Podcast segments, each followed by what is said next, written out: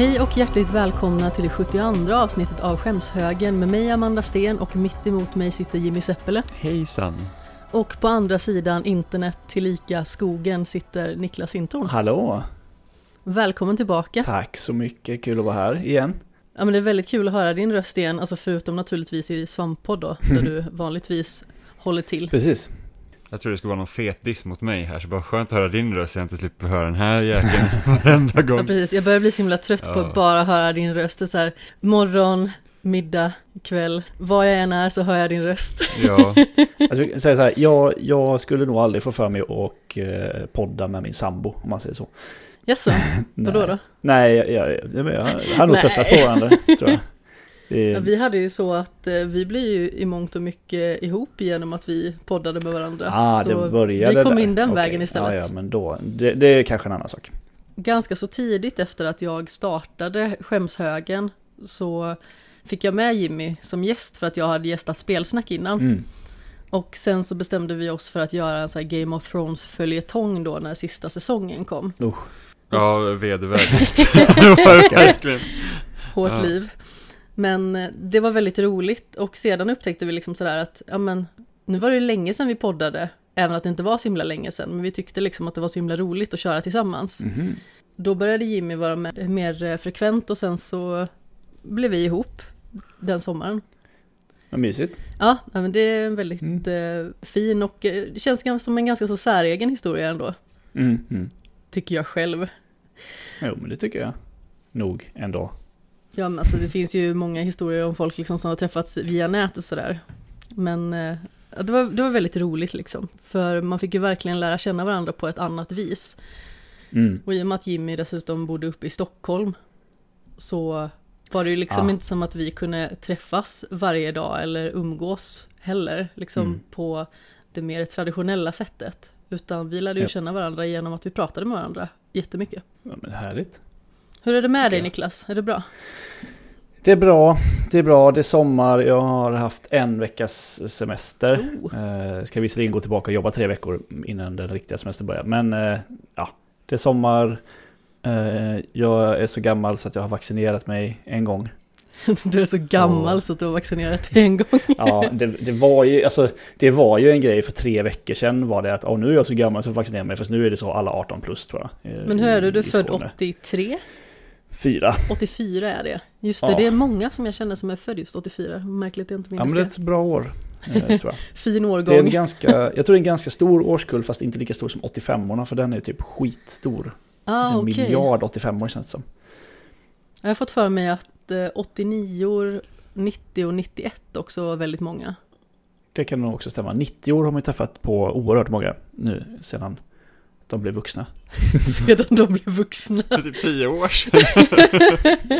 Men alltså jag lever ju fortfarande i, i, i liksom mindsetet när det var så skandal när jag pluggade mitt sista år och 90orna började på universitetet. Liksom.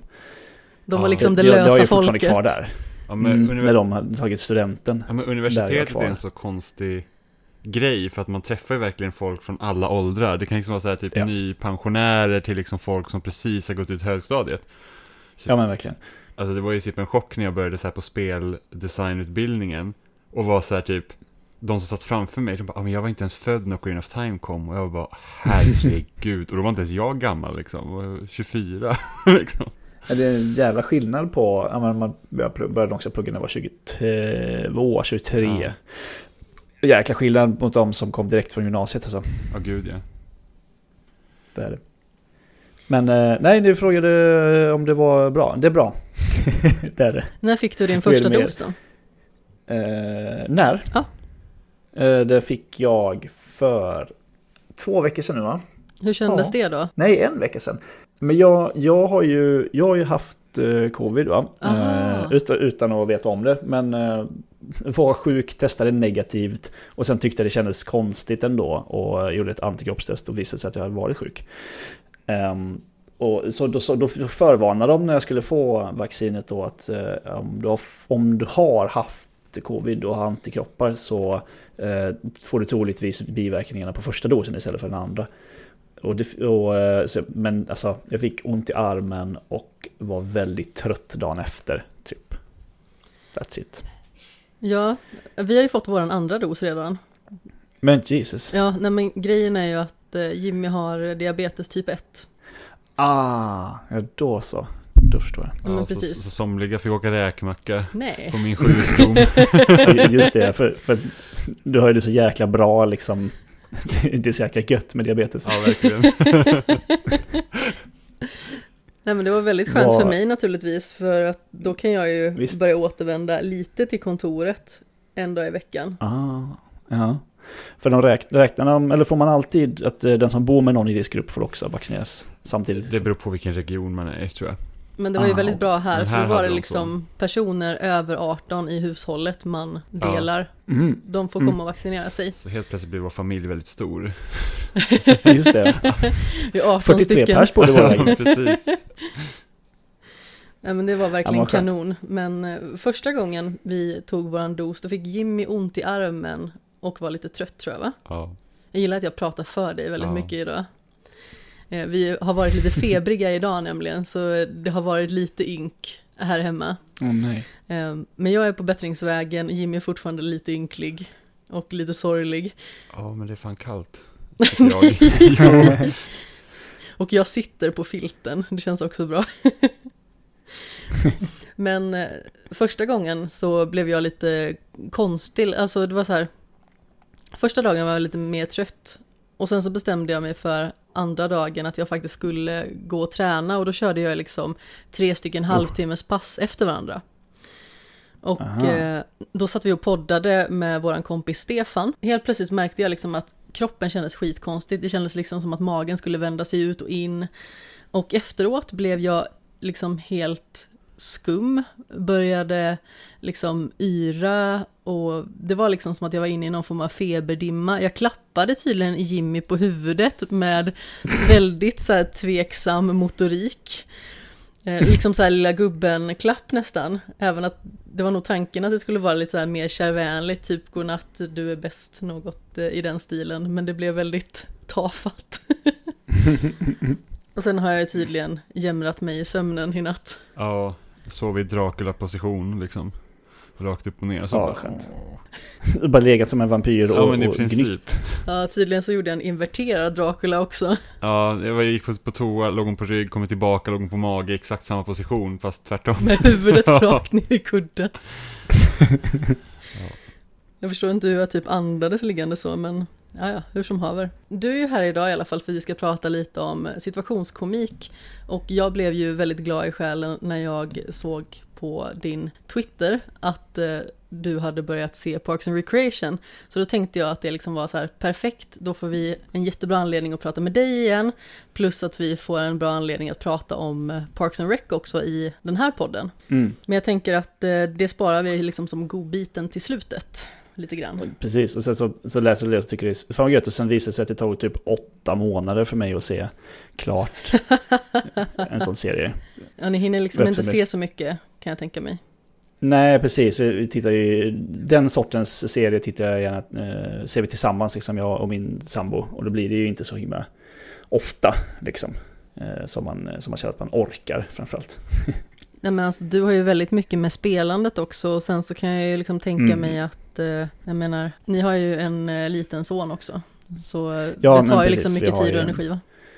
En treåring och så vill man ju gärna träna och sånt där också. Och Det, det är ju inte tal om förrän efter man har lagt eh, liksom, eh, ungen. Och sen när man är, ja, men då kommit hem eller tränat färdigt och duschat och, och, och så här så är klockan halv elva liksom. Vi bara, okej, nu, nu är det, nu är det läggdags.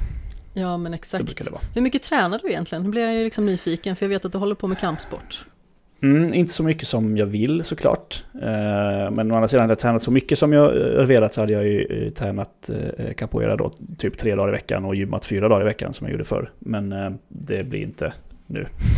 jag är glad om jag, om jag får till tre pass i veckan då.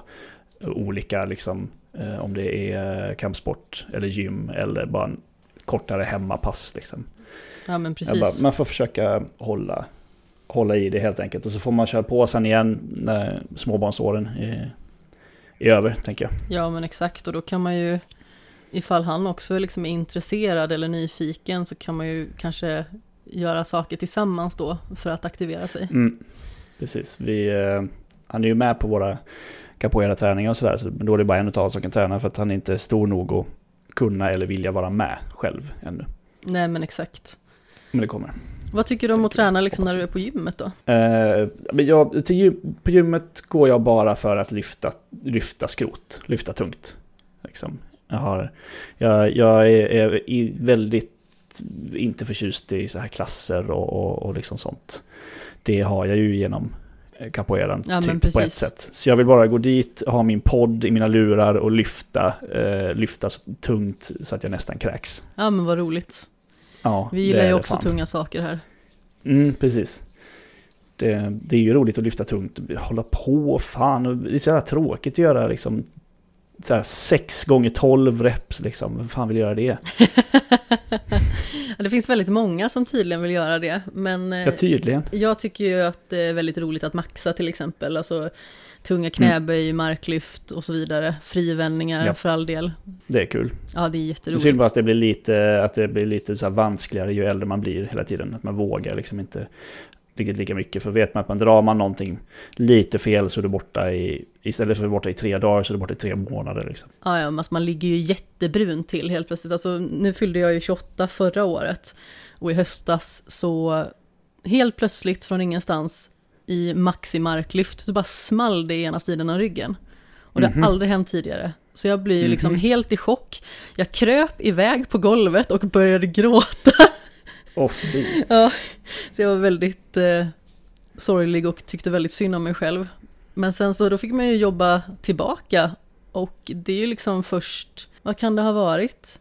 Typ i april-maj som jag kunde börja ta liksom fler repetitioner på tunga vikter. Bara för att jag vågade Mm. liksom inte för att jag var rädd att det skulle hända igen. Så när är man liksom... Ja, när man kom upp över 100 kilo så försökte jag hålla mig till liksom bara en repetition av varje och sen så skaffade jag faktiskt ett eh, bälte också, även att jag liksom har varit lite emot det där tidigare. Liksom att eh, det är väldigt många som använder det till typ allt. Sitter de och gör biceps Ja. curls så använder de bälte liksom. Ja, verkligen. Alltså jag är ju också övertygad om att bälte hade hjälpt väldigt mycket i vissa övningar. Att man kunna ta mycket mer och våga mycket mer. Men nej, jag är också, nej. Det, jag, nu har jag inte ens, förr lyfte jag med handskar, det gör jag inte ens längre. Jag har inga remmar, ingenting. Det är bara natural. Ja, men jag försöker att köra det så mycket som möjligt också. Det och sen så magnesium för att liksom inte... Ja, Tappa det greppet. skulle ju vara något i så fall. Men eh, nej, jag är för, jag är för lat för att ha med mig massa grejer. Jag eh, försöker ha med mig alltså magnesium, bälte och så hopprep i alla fall så har jag min lilla Smart, uppladdning av grejer som jag behöver. smart. Men jag tänker att vi ska börja prata lite om eh, sitcoms. Hur ser din relation ut till det Niklas? Så det är ju egentligen, sitcoms är ju något sånt där som alltid har funnits såklart. Eftersom jag är uppväxt med, eh, jag är uppväxt utan eh, VHS-spelare men med kabel-tv. Mhm. Så jag, har ju, jag är ju liksom uppväxt på sitcoms i princip. Och inte, jag har inte liksom sett de här filmerna tusen gånger som alla såg, liksom alla de 80-tals. Jag har inte sett Goonies 800 gånger till exempel. Eh, För att vi hade ingen VHS-spelare och, och var beroende av det som fanns på, på tv liksom. Och där var det ju desto mer liksom, ja, Fresh Prince är väl liksom, jag brukar säga eh, där jag har lärt mig prata engelska är inte på engelska lektionerna utom, utan genom spel och Fresh Prince i Bel-Air. Jaha, Mm. Ehm, så det, det har varit ständigt liksom, men jag har aldrig... eh, min relation till sitcoms är att jag ser det när det är på tv. Och ingen aning, och det, då, då vet man ju aldrig vilken säsong det är, vilket avsnitt, man får liksom in kontinuitet. Eh, för att det visar sig liksom hej vilt då när det, när det gick mycket sitcoms på tv. ja, det var ju så, Så det himla är- mycket som överlappade varandra. Ja, precis. Och sen är de typ Eh, så här, åh det finns inga fler säsonger så att nu, nu är liksom Vi har kommit till säsong fem och vi har inte fått sjätte säsongen hit Så då börjar vi om från början igen Så får man se Ja. liksom samma slut typ hur många gånger som helst Man precis, så kan det aldrig gå så här. Mitt på dagen kan det gå ett avsnitt från säsong tre och sen eh, så efter midnatt så går det ett, ett avsnitt från säsong fem i samma serie. Typ. Så det, jag har väldigt dålig koll på... Det är väldigt få serier som har följt från start till mål på det, på det sättet. Och det, jag undrar om det är ett, kanske ett unikt svenskt eller i alla fall icke-amerikanskt sätt att se på serier för att vi då har fått serierna så här pö om pö, lite här, lite hejkon bacon liksom. Ja, det är mycket möjligt faktiskt. Alltså jag vet i USA, så de har ju, det känns att våra så här tv-guide och sådana grejer är mycket mer strukturerad, för de kan vara så att en gång, så här typ, så bara, åh nej, vi kan inte visa det här avsnittet nu, så vi kör in något gammalt avsnitt här istället. Och ibland Ja, så skickar det. de liksom i oordning och sånt, så jag vet typ Firefly var ju en serie som de inte sände i ordning, vilket gjorde att liksom att, du förstår ju liksom inte allting, om man börjar typ på avsnitt fem, Ja, det är ju lite olyckligt och sen så kanske. kommer typ, jag tror det först, alltså pilotavsnittet var det sista avsnittet de sände. Men gud, och det är inte ens många avsnitt i den serien. Nej, det är väl, nej, Väl- och det är väl inte så Är konstigt. det en säsong eller är det två? Nej, Nej, det är en. en va? tror jag. Ja. Och det är inte så konstigt då om man börjar i fel ände liksom. Nej. Fan vad tråkigt. Men om vi går över till dig då Jimmy, vad har du för relation till den här genren? Alltså jag har ju liksom aldrig varit, alltså kom, komedi är liksom inte någon genre som jag liksom hå- håller varm om hjärtat på det sättet. Jag har inte tyckt att, alltså jag ser ju hellre drama än komedi. Mörker och ond bråd Ja, död. ja men precis. Mår man, mår, mår man dåligt efter man är klar med en serie, då är den bra. typ. eh, men det blir ju så att man liksom kollar ju liksom på, alltså när det har gått typ, man kom hem så här TV4 på eftermiddagarna så var det alltid liksom, var typ That 70 Show och Mhm. och sånt. Eh, som man kollade på. Typ Dharma och Greg och Willa Grace. Liksom kom ju ibland som man liksom har följt. och så. Ja, just det ja. ja. Eh, men det blir ju mest typ så här att, för att vi har ju bara haft, vi har inte haft kabel-tv, vi har ju liksom bara haft gratiskanalerna. Och sen när de började liksom släppa så DVD-boxar och sådana saker, eh, då började man ju köpa serier på den liksom vägen. Sådana serier som man inte kunde se på tv. Som typ, jag kommer ihåg att vi liksom, jag tror Vänner är egentligen den eh, komediserien som vi liksom fastnar för allra mest liksom. Eh, när jag och min syrra började köpa DVD-boxarna. I, I tron om att det var en dramaserie från början. Men det ser ju inte så, det ser liksom inte ut som en sitcom direkt på, man ska se bilderna liksom, eller om, här, omslagen och sånt. Nej, nej men precis. Så att jag och min syrra, vi förväntade oss att det här skulle vara någon liksom spännande dramaserie med typ sex stycken kompisar som bor i New York liksom. Och så var det så här bara att allt är ett skämt för de här, tänkte vi i början. Vi var, åh gud, hur, hur kan någon ens tycka att det är kul att se på sånt? Eh, och sen så, sen tog det väl en halv säsong och sen var man ju liksom fast. Ja, det är alltså, en typisk, en typisk sån serie som jag har sett. Jag har ingen aning om hur den börjar och hur den slutar, men jag har sett alla avsnitten minst fyra gånger. Un, under loppet av 15 år. Ja, ja, men alltså, det var ju en sån serie som när man kom hem på eftermiddagen efter skolan, då var det typ den eller Seinfeld som gick, kändes det som, Mm. för egen del. Mm. Eller typ Våra bästa år eller något annat skrutt. Sunset Beach. Usch. Ja, men Åh, det var typ dem, Beach eller så typ så här ordjakten som jag såg på. Lite löst. Är det det här när man ringde in? Ja men precis. Ja, just det. Alltså jag Ja, föredrog nog ordjakten faktiskt framför vänner. Och eh, alltså Seinfeld har ju alltså en mer nostalgisk bild. Alltså i och med att mina föräldrar kollade på det innan. Så jag har ju liksom fått mer Seinfeld än vad jag har fått vänner. Aha. Men Ja, eh, jag vet inte, jag var inte jätteinvesterad i någon av de serierna. Utan då såg jag typ hellre ordjakten. Jag eh, brukar ibland känna att jag tillhör den eh, försvinnande lilla minoriteten män i 35-årsåldern som inte håller Seinfeld som tidernas bästa sitcom. Faktiskt. Det är nästan lite läskigt ibland. Det är nästan så att, så att folk i, min, i mina peers kan bli arga på mig för att jag inte tycker det. Det är, det är nästan lite... Den är liksom lite, den har en sån obehaglig dragningskraft på, på, på en viss, ett visst segment verkligen. Ja, alltså Men- jag tycker att den har varit ganska så schysst när jag har sett den. Men jag förstår liksom inte varför den har liksom fått sån stor uppståndelse. Nej, alltså jag tycker den, den är ju oerhört bra. Och jag fattar ju vilken impact den har haft på, liksom, på eftervärlden. Men precis, jag fattar inte kulten kring den riktigt. Men det blir väl lite samma sak som typ om man tittar på så GameFAQs och, och andra liksom forum där det kommer liksom ingen yngre användarbas. Så att det är liksom samma intressen om och med. Man går in så på omröstningar på GameFAQs, är så här, ah, Final Fantasy alltid i toppen liksom. Ja. Eh, så det blir väl lite samma sak. Eller typ världens bästa spel, Super Mario 64. Liksom, då ska det ha varit världens bästa spel sedan 96. Uh. Mm. Eh, visst, man får ju tycka det, men det är ändå så här liksom att man går direkt... Man kan inte tvinga folk att ha rätt. nej, man går liksom direkt dit. Nej men alltså jag tycker typ Super Mario Galaxy är typ det bästa spel som gjorts. Och det är från 2007 nu. Så jag vet, också jag ska väl inte säga någonting. Jag tycker ju att Super Mario Bros 3 är ett av de bästa spelen som har gjorts och det gjordes 89. Jag har ju dock reviderat min bästa spellista så att Minecraft är det bästa spel som gjorts. Ah, okej. Mhm. Mm. Spännande. Fantastiskt spel Minecraft, det finns inget annat som är som det. Jag har inte spelat det sen, ja men typ, ja, då när det liksom, när Notch satt och pillade med det, tror jag. Ja, det är ju länge Jag sedan. borde göra det. Borde göra det. Eh, Jag kommer in i det lite då och då, man känner att jag vet inte vad jag ska spela och sen har jag så här mitt typ så här gigantiska slott som jag har hållit på och byggt på sen typ 2013 som jag liksom bara fortsätter att pilla på lite. Men det, är, det, det var helt underbart att upptäcka det spelet när det var nytt liksom. Jag kan tänka mig det. Jag var ju aldrig riktigt med i den svängen när det släpptes. Jag hade ju liksom inte ens kommit in i spelsvängen ordentligt då, vid den tiden. Nej. Utan det var ju lite senare. Ja, det var ju ungefär då jag började tror jag. Om jag inte minns helt fel. Eh, om man nu visste när Minecraft släpptes, jag har ingen aning. Undrar om inte typ första levnadstecknen var 2009 tror jag. Mm, ja men det låter eh, i så fall alldeles som att det skulle vara. Eh, precis då som jag började. Ja, det stämmer. Då hade du en paus alltså i spelandet? Från Mm. eh, när? Hade jag det? Ja, alltså... Eller, eller missförstår jag dig fel nu? Jaha, nej nej nej, alltså jag menar att Minecraft... Ah, okej, eh, okej.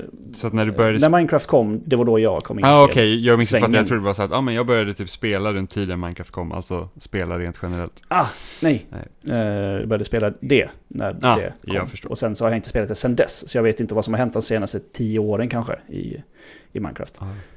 Då är jag med. Men jag ska ta mina, eh, vad heter det, Eh, mitt barns kusiner till hjälp tror jag. Vi ska åka upp till dem till nu i Stockholm. De är så här 12 och, och, och 8 liksom och spelar jättemycket Minecraft. Och då kollat på man få visa mig. 180 YouTube-videos om det antar jag.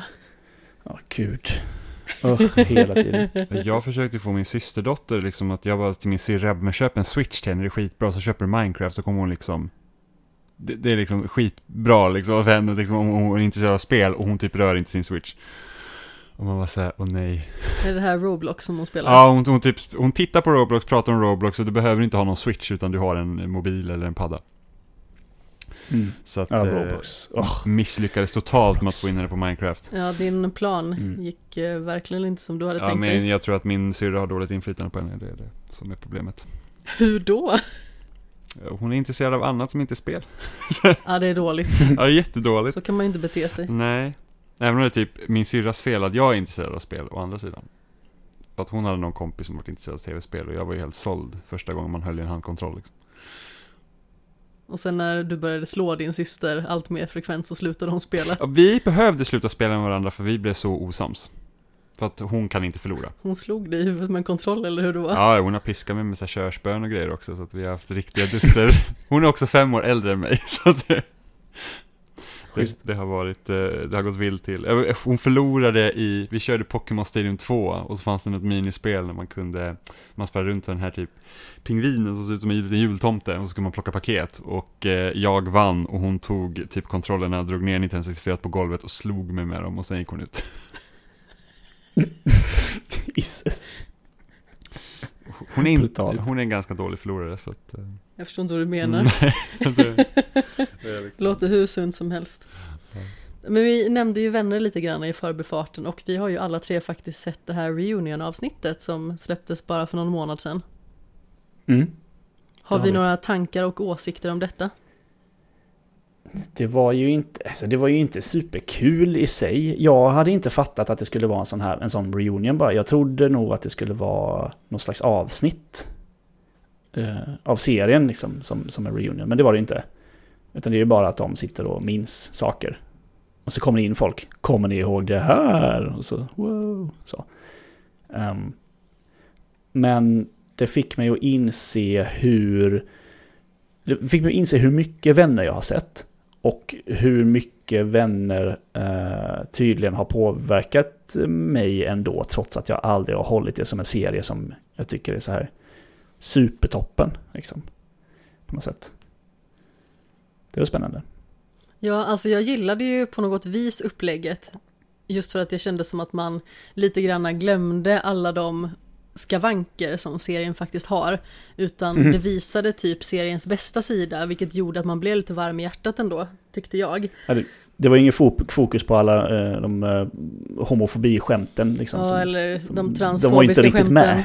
Eller ja, precis. Inget av det där var ju med. Nej, men precis. Eller typ det här, är du tjock, då är inte det okej och det ska man skratta åt. Eller Mm. för all del, är du kvinna, då är det tydligen inte heller okej. Nej. Det är mycket besynnerligt. Det är dåligt att vara kvinna, tydligen. Och eh, om man är lite kvinnlig som man, ja, då är man naturligtvis homosexuell. Det finns ju inget annat Mm. alternativ. Nej. Nej, det var mycket besynnerligt. Vi såg ju hela Vänner i höstas, i och med att Jimmy liksom Mhm. hade försökt att eh, sälja in hur bra det var och eh, han ville att eh, jag skulle liksom få se det i sin helhet. Och jag gick med på det och som sagt jag tycker att det stundtals kan vara en väldigt bra serie. Och väldigt my- mysig men jag tycker ändå liksom karaktärerna kan vara väldigt irriterande. Och just de här väldigt förlegade skämten gör ju att man får en ganska dålig smak i munnen på något vis. Det blir ju gärna så med, med serier som är oerhört tidsbundna. Mm. För den är ju allt annat än, än tidlös, verkligen. Um, vänner.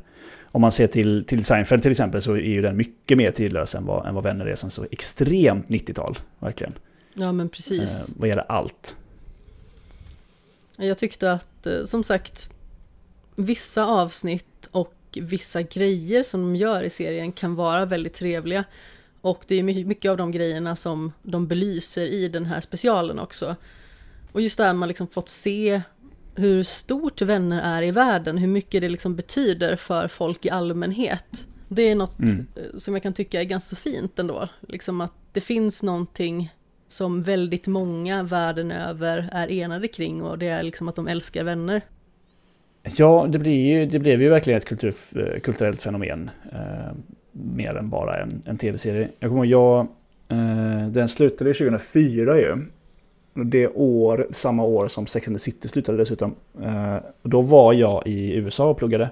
Eh, så jag såg ju finalen där liksom på, på plats verkligen. Och det var ju, alltså det var ju en, en händelse liksom. I hela, det var ju en, likt Super Bowl liksom. Hela, Tiden stannar hela upp. samhället. Ja, men hela stannade upp och folk, det var, alla var på fester där man tittade på, på sista avsnittet liksom och så här, åt mat och, och drack och, och så här. Det var verkligen helt abnormt var det att, att se det eh, där på, på plats så att säga. Det var kul. Det låter ju väldigt häftigt faktiskt. Mm. Mm, jag kommer ihåg Det var ju typ lite här- samma med Sex and the City också. Ja, Sex and the City var ju skitstort. Jag tror jag har kollat Mm. mer på Sex and the City än på Vänner. Ja, ja. Eh, Men jag kommer ihåg, även i Sverige så var det liksom stort sjå att uh, Vänner slut också. Jag tror det var som en helsida liksom i Expressen. Så det var liksom bara att nu sändes sista avsnittet. Och då kördes det ungefär då eller? Eller var det kanske? Jag minns inte eftersom inte jag följde det här på det tv. Eller liksom det var att nu sändes sista avsnittet i USA och här får vi se det whenever liksom. Eller Ja, något. ja.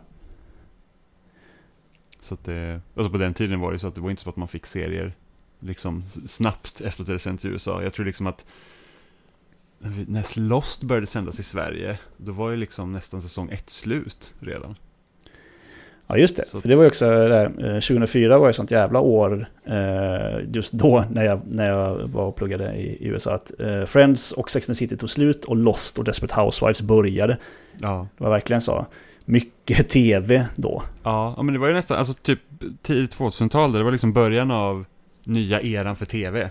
Liksom som Ja. drogs igång med typ, alltså Lost blev en så stor grej för att där var det så att, ja men du måste följa den här serien, det är inte gjort för att du bara ska liksom komma in då och då.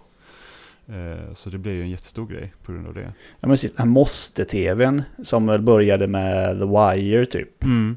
Eh, skulle jag nog ändå... The Wire och Sopranos, då Ja. blev det ju så här en tv-serie som blev så här, ja men du måste ju titta på det här. Det måste du liksom. Som Game of Thrones blev sen och, och sådär. Mm. Många andra för den delen. Men Jimmy, du som är liksom en sån här vänner-fantast ändå, som har sett alla säsonger typ 71 gånger, vad tyckte du liksom om återträffen? Men det var väl, det var väl liksom kul att se, se dem allihopa liksom tillsammans och minnas, alltså liksom bara lite småmysigt. För att det är liksom, vänner är nog serier som jag brukar se två gånger om året. Eh, när jag såg det som mest liksom. Eh, ja men så här, bor ute på landet, liksom, man, man ser vad man har, inget bredband. Så att då blir det ju så att man, man helt enkelt, man, man tittar om på mycket saker. Man är klar med Man någon säsong vad man haver. Ja, men här, man är, nu, är jag, nu har jag sett Vänner liksom för typ en miljon till gången. Så nu tar vi nästa serie som jag har liksom på box. Eh, så, så det var ju trevligt liksom att se det. Eh, för jag har ju så haft så här, vi har så här vänner trivia-spel på PS2 och jag köpte någon så här bok som de släppte typ fem år efter att serien hade tagit slut. Där de liksom också så här olika intervjuer och sånt. Så att jag är- ser verkligen, verkligen fram emot det, liksom att de får se dem tillsammans. Sen vet inte jag om jag hade föredragit om de faktiskt hade gjort ett, ett avsnitt liksom. Så här, bara var är alla karaktärer nu? Ja men precis, det hade kunnat vara Mm, det ganska var så det kul att se. Ja, men samtidigt så att så kanske lika bra att inte röra ihop det för att liksom, jag tror att så många människor har säkert en viss förväntan om var karaktärerna skulle vara idag. Så att om de liksom säger att "Nej, men så här är det, då hade det liksom varit så här, ah, det, det är inte riktigt vad man hade velat ha kanske, då kanske det är lika bra att låta det vara. Rachel och Ross är återigen on a break. Ja, men det hade, det hade ju varit för jävligt liksom, och det ska vara så här gamla hjulspår liksom. De orkar liksom inte. Nej men det är ju väldigt mycket liksom ett barn av sin tid också. Så risken är ju liksom att det inte hade fungerat heller det avsnittet. Utan det hade typ blivit ganska så mycket gamla lumparhistorier i alla fall. Mm. Ja, visst. Så är det ju säkert. Men samtidigt som de har ett så här Thanksgiving-avsnitt på 20 minuter och sen inget mer. Det behöver liksom inte vara en helt ny säsong Nej det är sant. som många andra har gjort. Som typ Mm. Prison Break. Uh, jag, har inte, jag har inte sett liksom när de typ så här gjorde en revival på dem för att det var redan liksom konstigt att den skulle hålla på så länge den serien. Jag var inte så fast vid den serien som du var. Jag älskar första andra säsongen. Inte sett, ja, sett ett avsnitt kanske, eller något. Jag tyckte den var extremt, extremt överskattad. Ja, nej, första säsongen av Prison Break, den var så himla spännande. Alltså det var verkligen så här nagelbitande varje gång man kom till slutet av ett avsnitt. Man säger jag måste se nästa nu för att det är liksom så spännande. Och sen så tyckte de väl att, ja men gud vad kul att vi ska göra typ fyra säsonger den här, där de bryter ut sig ett nytt fängelse hela tiden. Ja men det känns det ju blir, liksom men det blir, så larv, det blir så larvigt sen. Eh, den borde ha varit två säsonger lång och sen inget mer. Men det känns liksom som att det blir en parodi på sig självt. Ja men lite lite, grann. så.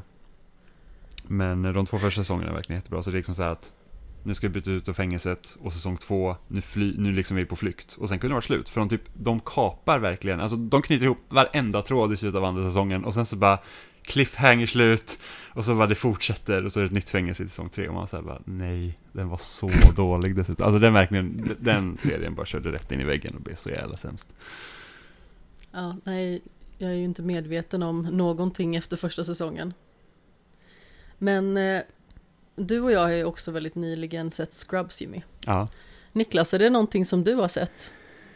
Ja, men det är också den här serien som man har sett efter skolan och på kvällar och sådär. Jag har ju sett alla avsnitt säkert tre gånger. Men jag har ju, där har jag ingen aning om tidslinjen eller någonting. Jag bara vet att, att äh, så här, eh, JD försvinner väl efter ett tag. Ja, alltså han är inte med, han är bara med i några avsnitt i sista säsongen, för de typ körde Ja, en precis. soft reboot för att Zach Braff vill inte vara med längre och den säsongen är ju inte lika dålig som jag kommer ihåg att den var, men det är liksom inte samma sak. Nej, alltså den hade faktiskt någon... någon- trevlig karaktär.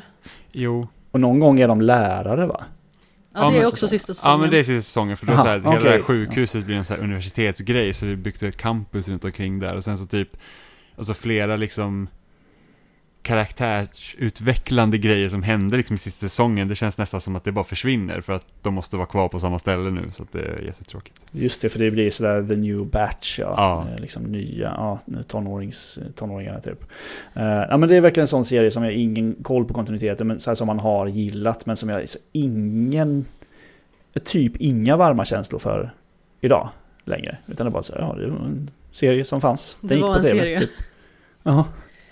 Ja, men det är också en sån serie som för mig har svävat förbi periferin lite grann. Och man liksom har råkat komma in på något avsnitt någon gång ibland och kanske inte följt på något vis, men ändå sett lite grann av. Jag måste ju ändå säga att det lider ju ganska mycket av samma problem som vänner liksom. Det roliga är typ överviktiga människor, homosexuella och eh, liksom feminina drag och sådant där. Mm. Eh, tyvärr. Jag kan tycka att det liksom blir väldigt provocerande, i synnerhet när vi liksom ser vänner och scrubs ganska tätt in på varandra inom loppet av ett år och så får man väldigt mycket av sånt där. Då blir man lätt liksom less och irriterad på det. För att det är liksom inte så som jag känner att jag vill att samhället ska vara. Mm. Även att jag vet att det fortfarande existerar jättemycket sånt ute i världen, såklart. Mm. Men eh, jag måste ju säga att eh, JD är en väldigt underbar huvudkaraktär. Alltså i början så känns det som att han är väldigt så här egofixerad och eh, i och med att han liksom har en viss tävlingsådra så blir det liksom mycket att han typ gör bara saker för att liksom främja sig själv.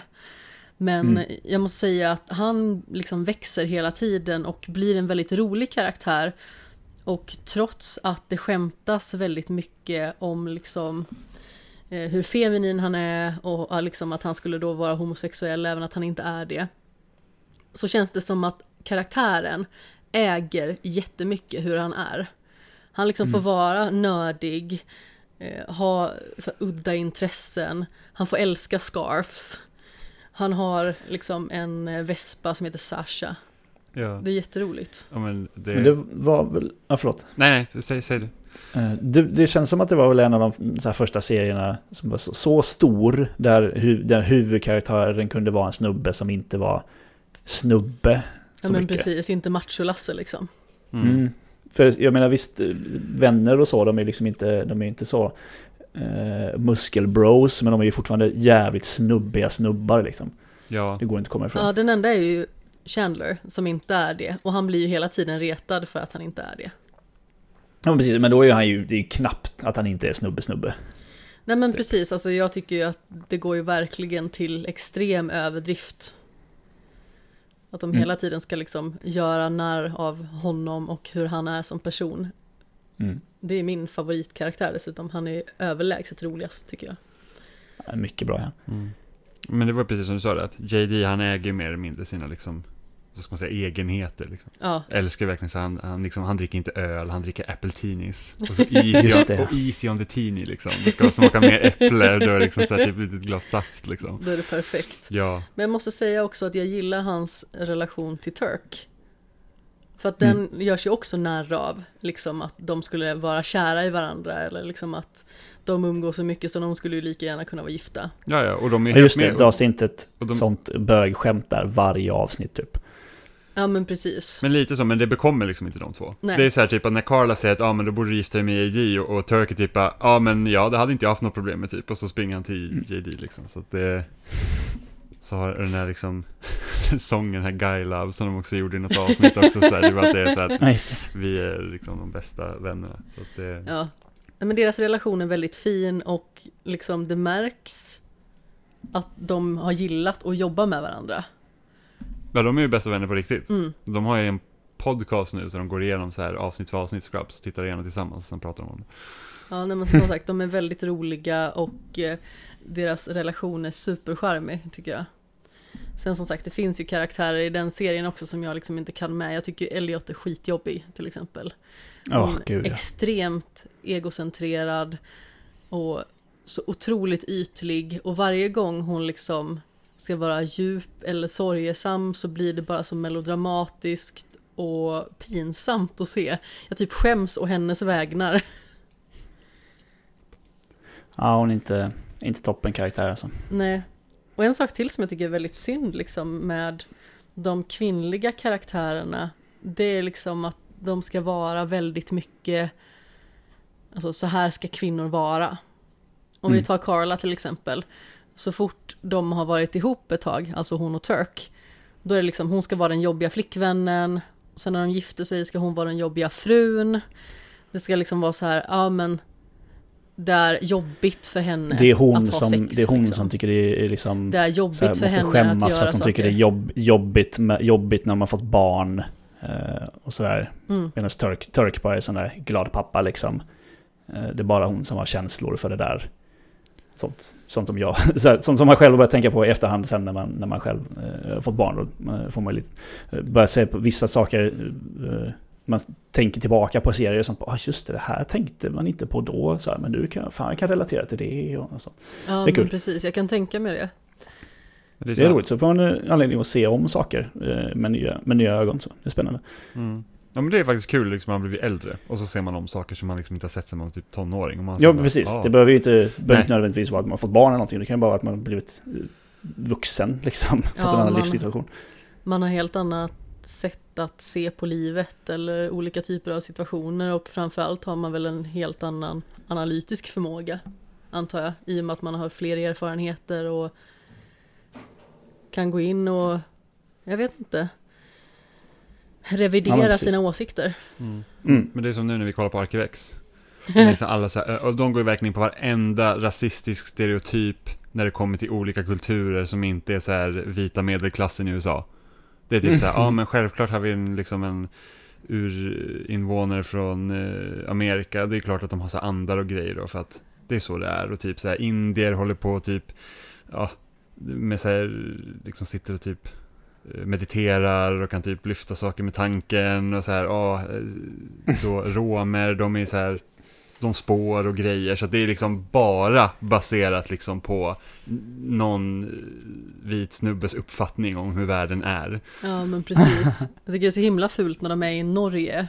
Och då är det liksom på en Är han i typ... Norge någon gång? Ja men de är det. Och ska undersöka något form av fartyg som har förlist. Ah. Och då är de liksom inne på en så här typisk så här pub. Där det liksom hänger en norsk flagga, alla har lusekofte. Mm, och alla är fiskare eller? Ja, men precis. typ, ja, det, det, är så, det finns ett avsnitt i Alias där de är på en, en nattklubb i Stockholm. Där, alltså det det är så avskalat och minimalistiskt på den här klubben. Varenda människa är skitlång, pinsmal och liksom platinablond.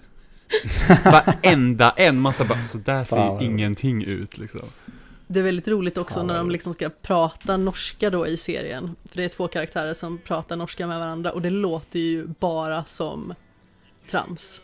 Ja, det är inga norrmän. Nej, Nej, nej, det, det var någon, alltså det var som har fått... totalt nonsens. Jag vet liksom inte Dabba-dibba-doo. jag Man vet liksom inte ens, jag vet liksom inte ens vad de har fått, alltså vad har de fått, lä fått läsa för ord egentligen? Har de inte haft någon liksom röstcoach? Och har ni ingen fonetisk skrift? Vad fasen? Eh, Ja, det var mycket märkligt faktiskt. Men vet ni vad, jag tänker faktiskt att vi ska gå in på huvudämnet Parks and Recreation i och med att det är eh, någonting som jag tänker att vi kanske ska gå in på lite mer och prata om karaktärerna, vad vi tycker och så vidare.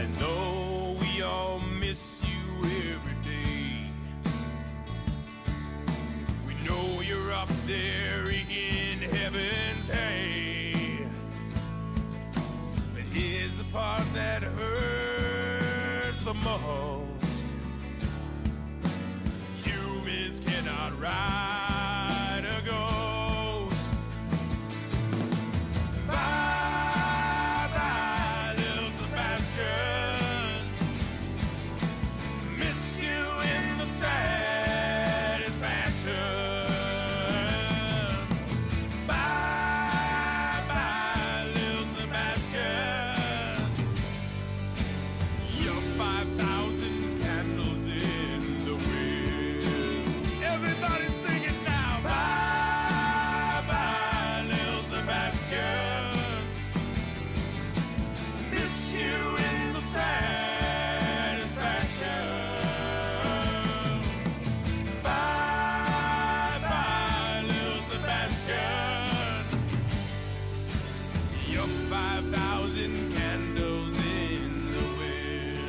Så Niklas, Ja. du har ju sett Parks and Recreation för allra första gången. Mm. Ganska nyligen. Eh, men det blev väl klara för ett par månader sedan eller så, skulle jag tro. Vi hoppade på den ganska direkt efter... Nej, det gjorde vi nu ljög jag. Det var inte vi, kollade inte på The Office tillsammans, den kollade jag på. Och sen så eh, skulle vi ha en sån. För vi, har, vi brukar varva lite serier. Dels så kollar vi på något så tyngre serierna, en timmes avsnitten liksom. Uh, Handmaid's Tale, uh, ja, lite sånt. Uh, och sen när de mellan säsonger eller när vi så bara, jag orkar inte ett en timmars avsnitt nu av någonting. Ja, men vi kollar en- 20 minuter istället på, på en komediserie. Så då blev det våran, våran sån serie. Och den är, ja, fan vad den är fantastisk ändå. Ja men visst är den. Som sagt, jag blev ju väldigt glad när jag såg att du skulle se den för första gången. Och så Ja. tänkte jag bara så här att det här måste jag ju höra om. Det är en sån serie som när jag såg den första gången kände jag mig typ helt frälst. Jag tyckte att den var så himla rolig bara. Jag hade ju sett eh, halva första säsongen en gång och trillat av. Bara, nej det här var inte så kul. Men Eh, första det säsongen är himla banalt. märklig. Ja, det var bara banalt och karaktärerna var bara tramsigt och dåligt liksom. Men eh, den är jättemärklig den första säsongen. Verkligen. Eh, men så är det ju med många serier. Jag menar The Office är ju... Det är ju det brittiska första säsongen och sen så, sen så blir det sin egen serie liksom. Ja men exakt, alltså första säsongen av The Office var verkligen så här. Det här är bara en dålig imitation av någonting som jag faktiskt tycker är bra. Och jag var ju liksom nästan irriterad över det. Men jag visste ju liksom att Tobbe hade sagt att du måste fortsätta kolla. För att Mm. om du inte gör det så kommer du missa hur otroligt bra den här serien är. Och jag håller ju verkligen med om att The Office US är en fantastisk serie och jag älskar den så otroligt mycket. Jag såg ju den själv för typ, vad kan det vara, ett och ett halvt år sedan ungefär. Mm. Och sen förra sommaren så fick jag Jimmy med på tåget också. Så vi såg hela den under eh, sommaren 2020. Och jag känner att det är liksom en sån grej tillsammans med Fall Guys som jag verkligen förknippar med den sommaren. Liksom. Att vi spelar jättemycket Fall Guys, vi kollar på The Office. Eh, det var så himla mysigt bara. Och det här var ju liksom Gud, precis innan Jimmy flyttade ner permanent också. För det var ju liksom lite ovisst om han skulle fortsätta plugga uppe då Mm. i Stockholm eller om han skulle flytta ner helt hit. Mm. Ja, det, ja det, The Office är verkligen, det är ju inte samma serie, den, den amerikanska och den. Det är så, så folk bara, "Ja, den eh, engelska är så himla mycket bättre, säger de. Jag bara, ja fast det är inte. Det går liksom inte att jämföra. Det är två olika serier som, som delar samma ursprung. Men det blir ju någonting helt annat än amerikanska. Ja, Sen, men verkligen. ju. Jag älskar dem båda. För att de är väldigt olika och de gör väldigt olika saker. Men även jag insåg ju ganska fort att de tar ju avstamp från början ur liksom samma skämt och eh, samma uppbyggnad. Men sedan så går de ganska tidigt skilda vägar. Ja, jag tror inte Ja. att man hade kunnat göra brittiska Office så lång. Nej, Det verkligen hade inte. liksom inte funkat för det, den är liksom, den är för deprimerande i sin utformning liksom att man, det, den är lite, alltså karaktärerna känns lite för tragiska för att man ska liksom hänga med i nio säsonger av den brittiska serien. Ja, den den är perfekt i, liksom i sin längd. Amerikanska The Office är ju mycket mer urspårad och tokrolig. Ja, Även att den också har djup och den har ju väldigt fina ögonblick. Hur är det den eh, brittiska? Är det två säsonger eller? ja. Och en Jag har inte julspecial. sett klart. Ja, just det. Jag har sett typ ett eller två avsnitt. Jag har ju väldigt svårt för cringe-tv. Eh, alltså skämskudde. Eh, ja, jag tycker det är svårt. Så jag, jag, jag klickar inte alls med den, med den brittiska faktiskt. Men alltså jag kan förstå att man inte gör det. Sedan så är jag ju ett väldigt stort fan av Ricky Gervais och tycker att han har gjort så otroligt mycket bra. Alltså allt ifrån eh, The Office till eh, Extras och eh, även Derek har jag kollat på lite grann. Men även Afterlife nu som är ju den senaste serien som han har gjort. Just det. Den har man hört gott om. Ja, jag rekommenderar den varmt. Det är två säsonger, sex avsnitt i varje. Och man skulle kunna säga att det är typ så här situationstragikommik. För den är extremt sorglig å ena sidan, i och med att det handlar om en man som har förlorat sin fru. Och eh, Ja, samtidigt så är den så otroligt rolig i vissa avseenden. Så att man skrattar ju liksom tills man kiknar och sen så börjar man gråta och sen så skrattar man tills man gråter. Så det går liksom om vartannat det där. Mm. Men åter till Parks and Recreation. Har Just du liksom eh, någon del i serien som du tyckte, här är den som bäst? Det är väl, ja vad blir det, någon slags, eh, ja, det tar ju ändå karaktärerna ett tag att, att blomma ut lite. Eh, Så jag menar Tom eh, Haverford, han är ju liksom, han är ju bara ett så praktarsle i typ tre säsonger. Och sen så liksom, sen visar han andra sidor och sen blir han en av mina favoritkaraktärer och jättefin. Man förstår I- ju liksom mer och mer att han är en ganska så sorglig person. Han är väldigt sorglig, han är jättedeprimerad egentligen liksom och, och, och så. Och vill bara lyckas och allting går bara dåligt för honom och det, liksom, alla utnyttjar honom för han är så snäll. Eh, och så försöker han lägga till något hårt yttre liksom. Eh, så det är väl där någonstans in liksom säsong 3-4 någonting. Det är sju totalt va? Ja, Eh, och den sista är efter, efter ett jättekonstigt timeskip som jag inte hade aning om att det skulle hända. Vi bara va? tittade på varandra och min sambo bara vad, vad hände nu? Jätteudda var det. Ehm, men ja, det är väl lite någonstans där på besynnerligt mitten. faktiskt. Ja, men där på mitten när det går liksom lite, lite puttrigt eh, händelsemässigt och de mest eh, utvecklade karaktärer. Eh, det, det gillar jag nog mest för att det, karaktärerna är så oerhört fina i den här, i den här serien. Alltså. Ja, jag håller med fullt ut. Det är någonstans där som jag älskar serien som absolut mest också. Jag fullkomligt älskar Ben och Leslies relation. Den är så himla fantastisk och fin. Och det känns liksom som att de har byggt upp den så himla bra. För till en Mm. början så avskyr de ju varandra, verkligen. Och det är liksom inte på ett sånt sätt liksom att de börjar typ kasta kottar på varandra, utan det är liksom mer på ett sånt sätt att du kommer här och försöker förstöra min stad och min liksom eh, parkförvaltning. Medan å andra sidan då tycker ju den mer liksom kalkylerande Ben att hon bara sätter sig på tvären och eh, inte fattar hur viktigt liksom det är med budgetering och att faktiskt se till att de ekonomiska aspekterna fungerar. Mm. Men när de liksom mer och mer börjar samarbeta, de blir vänner och sedan så blir de kära i varandra. Alltså någonstans där i början av deras liksom romantiska relation. Alltså jag bara tycker det är en fröjd att titta på. Jag Ja, det gillar det. också liksom att det finns väldigt många serier där det liksom ska bli dramatik och de ska skapa onödig spänning. Som att ja, men, Mm. Man måste göra slut för att kunna bli ihop igen. Eller det måste liksom vara något relationsproblem. Det finns inte. Och jag tycker Nej. att det är väldigt skönt för att alla relationer har inte den typen av problem. Och det behöver liksom inte alltid gå i de spåren. Nej. men jag tror också det är för att serien bygger liksom inte på spänningen men att det ska finnas en relation mellan Leslie och Ben. Eh, inte som typ, om man ser vänner, så här, Ross och Rachel, det är liksom från start. Är så här bara, åh, kommer de bli tillsammans eller inte? Och sen när de blir tillsammans, då liksom försvinner en viss spänning, så då måste de bryta på det. Det var ju Mm. samma med eh, en serie som heter New Girl. Där huvudkaraktären blev ihop liksom tillsammans med liksom, den killen då som nästan man hade liksom, ja, de kommer ju bli tillsammans. Och sen visste inte författaren vad de skulle göra med karaktären efter det. För att spänningen försvann.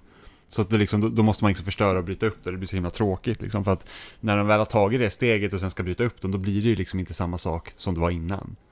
Mm. Eh, och därför tycker jag det är så skönt också i Parks and Rec, liksom att ja, men Ben och Leslie, de får vara tillsammans och sen så får väl de ha sina problem när det väl blir problem, så liksom, då, då agerar de som vuxna människor och liksom löser det. Ja, men det handlar liksom mer om att det är problem i deras tillvaro som då kanske mer är i form av deras jobb eller dylikt.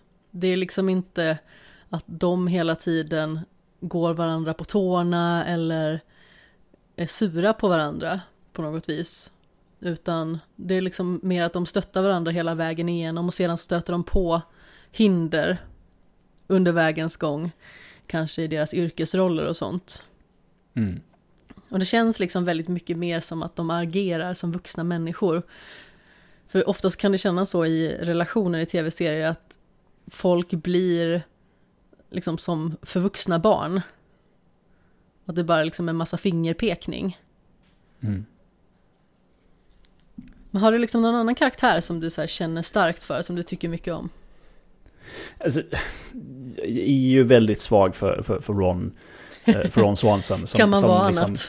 Ja, men, han, I sju säsonger så kämpar han mot eh, Han kämpar mot sin egen, sin egen godhet på något sätt. Han är så himla fin och han är så omtänksam och godhjärtad. Och han hatar det, att han är det. Eh, och jag tycker det är så, så härligt på något sätt att se honom kämpa mot sig själv liksom och sina, sina egna, eh, sin egen personlighet. Ja men precis, så- håller uppe den här jättesura fasaden liksom bakom Mm. den här jättestora mustaschen. Ja. Och där har du liksom en, en manlig karaktär som är väldigt liksom butch och liksom då manlig men inte är ett svin. För att Mm. han liksom, alla de här grejerna då som, alltså människor som, som sitter med liksom skeva åsikter, de hade liksom, de, de, de skulle säkert kunna lyfta upp honom och säga att "Ja, men så här liksom ska man vara, men han, han är liksom, han, han- vad ska man säga, han, han liksom har han är på rätt sida liksom, även om han kan vara burdus eller liksom är, är liksom väldigt rätt fram. Men han visar också vänlighet på sitt eget sätt liksom. Och han gör det på kanske lite mer, alltså inom citationstecken då, primitiva sätt. I och med att vi ändå lever i en mer digitaliserad värld. Men han Mm. älskar ju liksom att, att snickra saker. Och Och hans jävla verkstad, vilken jävla dröm alltså. alltså det är så himla roligt. Jesus. Och jag älskar ju det avsnittet när de är så här, har läger för barnen. Och Ja. han typ så här, ja men nu ska ni typ survive, liksom Ja. i skogen några dagar liksom. Så här, åttaåringar.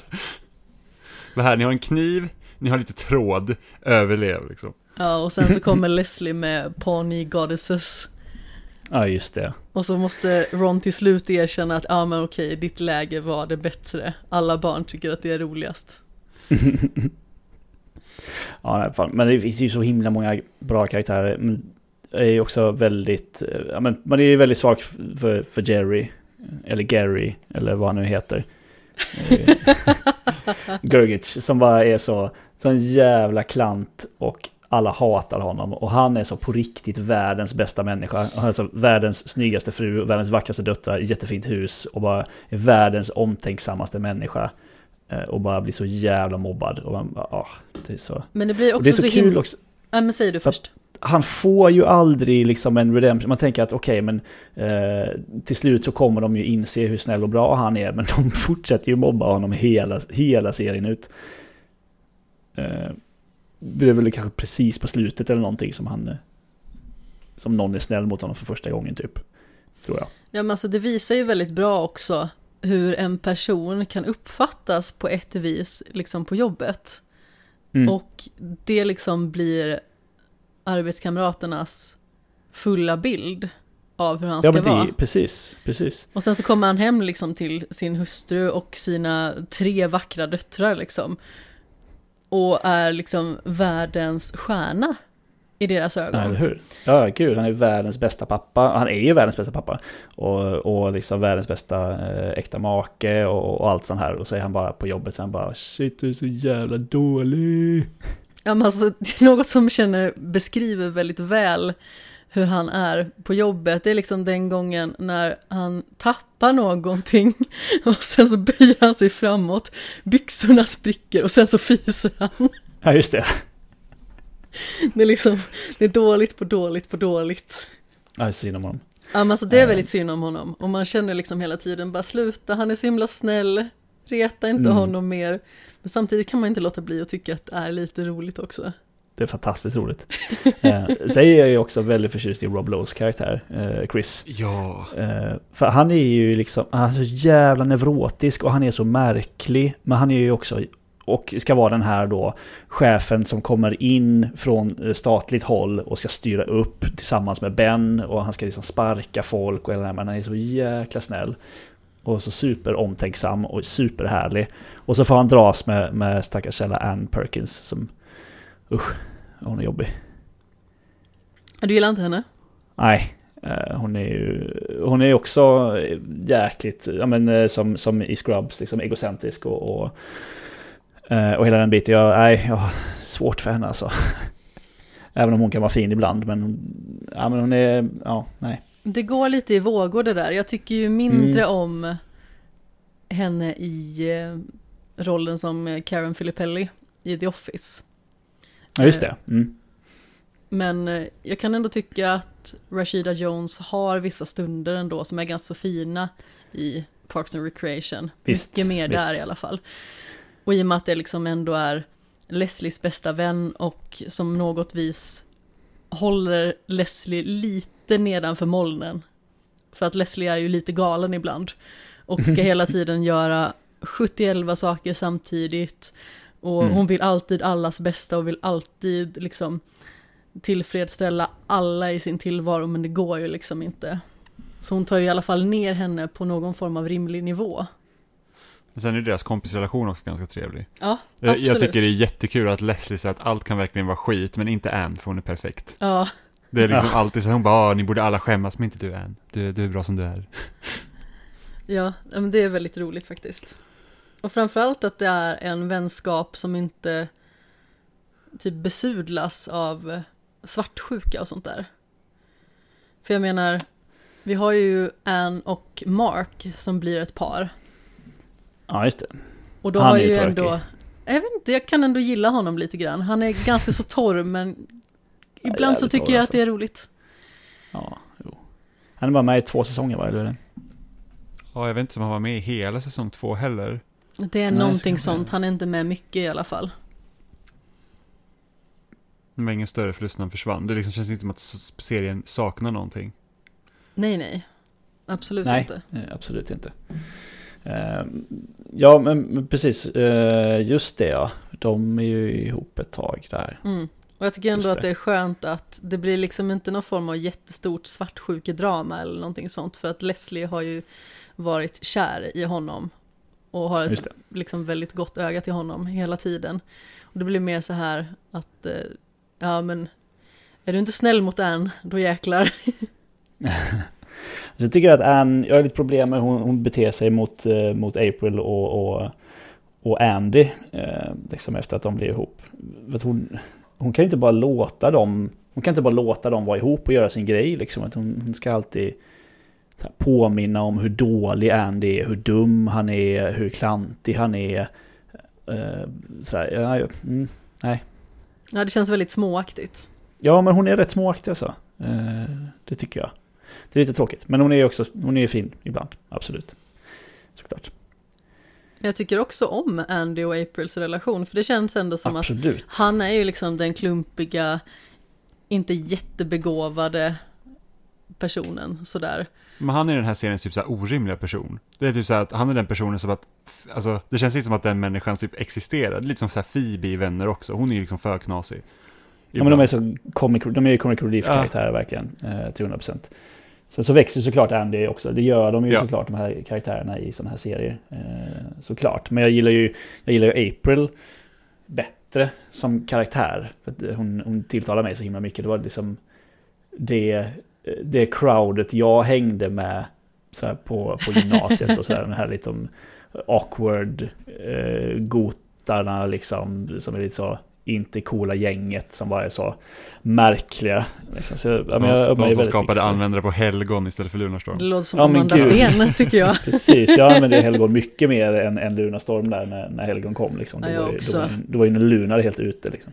Det var väldigt mycket svart kajal, svart snedlugg och dylikt Mhm. på Fröken Sten där under ett tag, kan jag säga. Och var du och jag samma person där eller?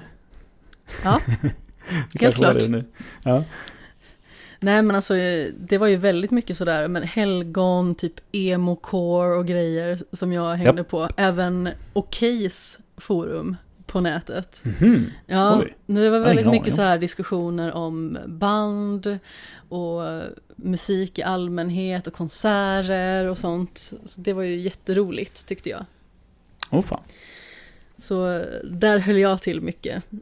Mm. Och det var ju liksom innan Facebook och dylikt föddes. Alltså tidiga internet var smått fantastiskt. Det fanns liksom ett forum för allt.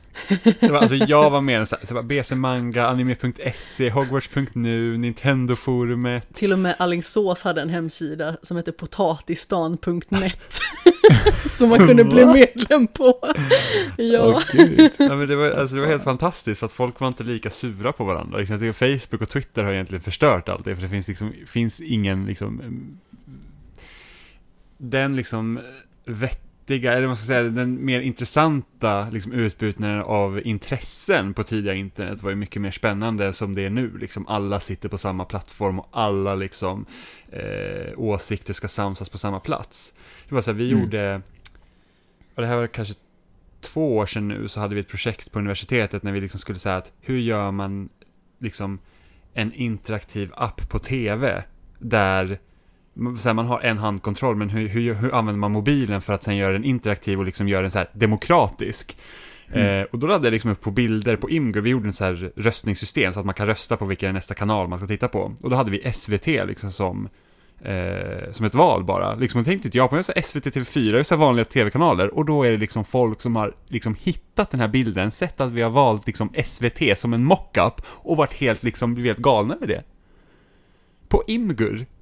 Det är liksom så här, börjar man, så någon bara typ, åh vad fan, ingen så här vettig idiot skulle välja SVT, jäkla vänsterpropaganda och bla, och jag säger bara, alltså det här är ett skolprojekt. Jag har liksom inte lagt någon värdering i de här tv-kanalerna som jag valde till min mockup som vi hade typ 20 minuter på oss att göra. Det var det, alltså så bisarrt. Ja, men verkligen. Men problemet med, alltså framförallt Facebook, i och med att det samlas ju upp väldigt mycket vänner under en väldigt lång tid, i och med att Facebook ändå liksom har funnits ganska så länge vid det här laget. Alltså för egen del tror jag att jag skaffade Facebook vid 2008 och det är allt ifrån liksom bowlingbekanta till gamla klasskamrater, lärare för all del, alltså allt möjligt finns där. Och man märker ju typ varje dag liksom att man hittar någon med så här tveksamma åsikter i ens vänflöde. Mm. Och det känns ju så himla tråkigt verkligen. Typ någon gammal eh, träningskollega eller något som skriver eh, något jäkligt orimligt. Man bara så här, hej då. Ja, men det finns ingen hejd på folk heller. Det är så här, du står med ditt namn, din arbetsplats och allting och du liksom verkligen bara spyr galla. Ja. Det är väldigt absurt faktiskt. Som någon som eh, har som jobb att moderera kommentarsfält på stora dagstidningar. Kan jag- Mm. Folk, Jag kan eh, tänka mig att det inte bara är kul. Eh, nej, det kan man säga. Det, fanns ju, det finns ju något jobb på Google där de liksom går igenom saker som inte får synas liksom för Gud ja. normalt folk eftersom det är så... För normalt Ja folk. men alltså det är sådana, alltså, det var någon, jag läste någon så här lång artikel om det, alltså det var typ så här att den personen var så att när jag går hem varje dag så liksom jag, jag måste gå till en psykolog för att jag får se sådana hemskheter. Som Mhm. folk postar på nätet. Det är typ så här, det är avrättningar, det är liksom djurplågeri, det, det är liksom sådana saker. Man, man kan liksom inte ens typ fantisera ihop vad som skulle kunna finnas i, liksom, i något sånt. Och så måste folk sitta och städa i det. Japp.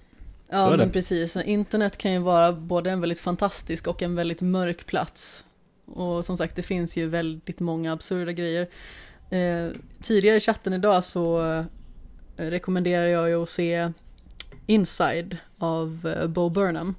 Och han har gjort en låt som heter Welcome to the Internet.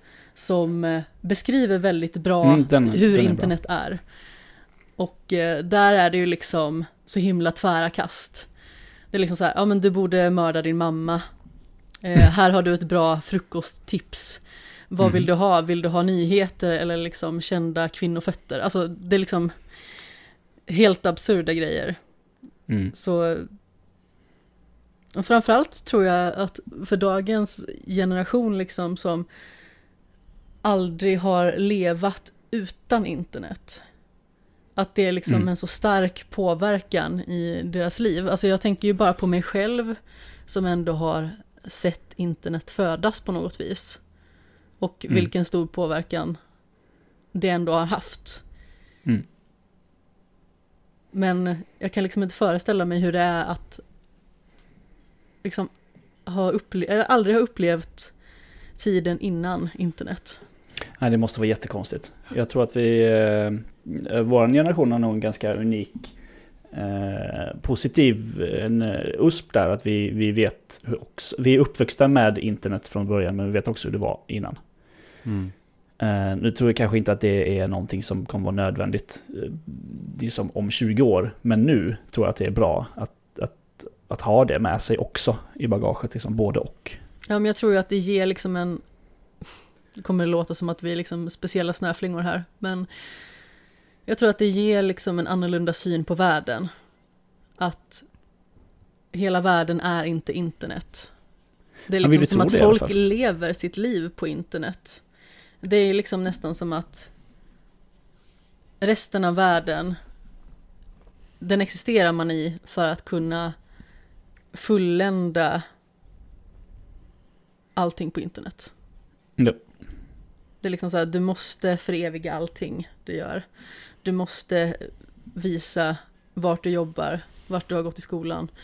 Eh, existerar det inte på internet och existerar det inte på riktigt heller. Mm. Och det är väldigt absurt. Japp. Men åter till Parks and Recreation. Jimmy, har du någon favoritkaraktär? Vi var ju inne på det innan.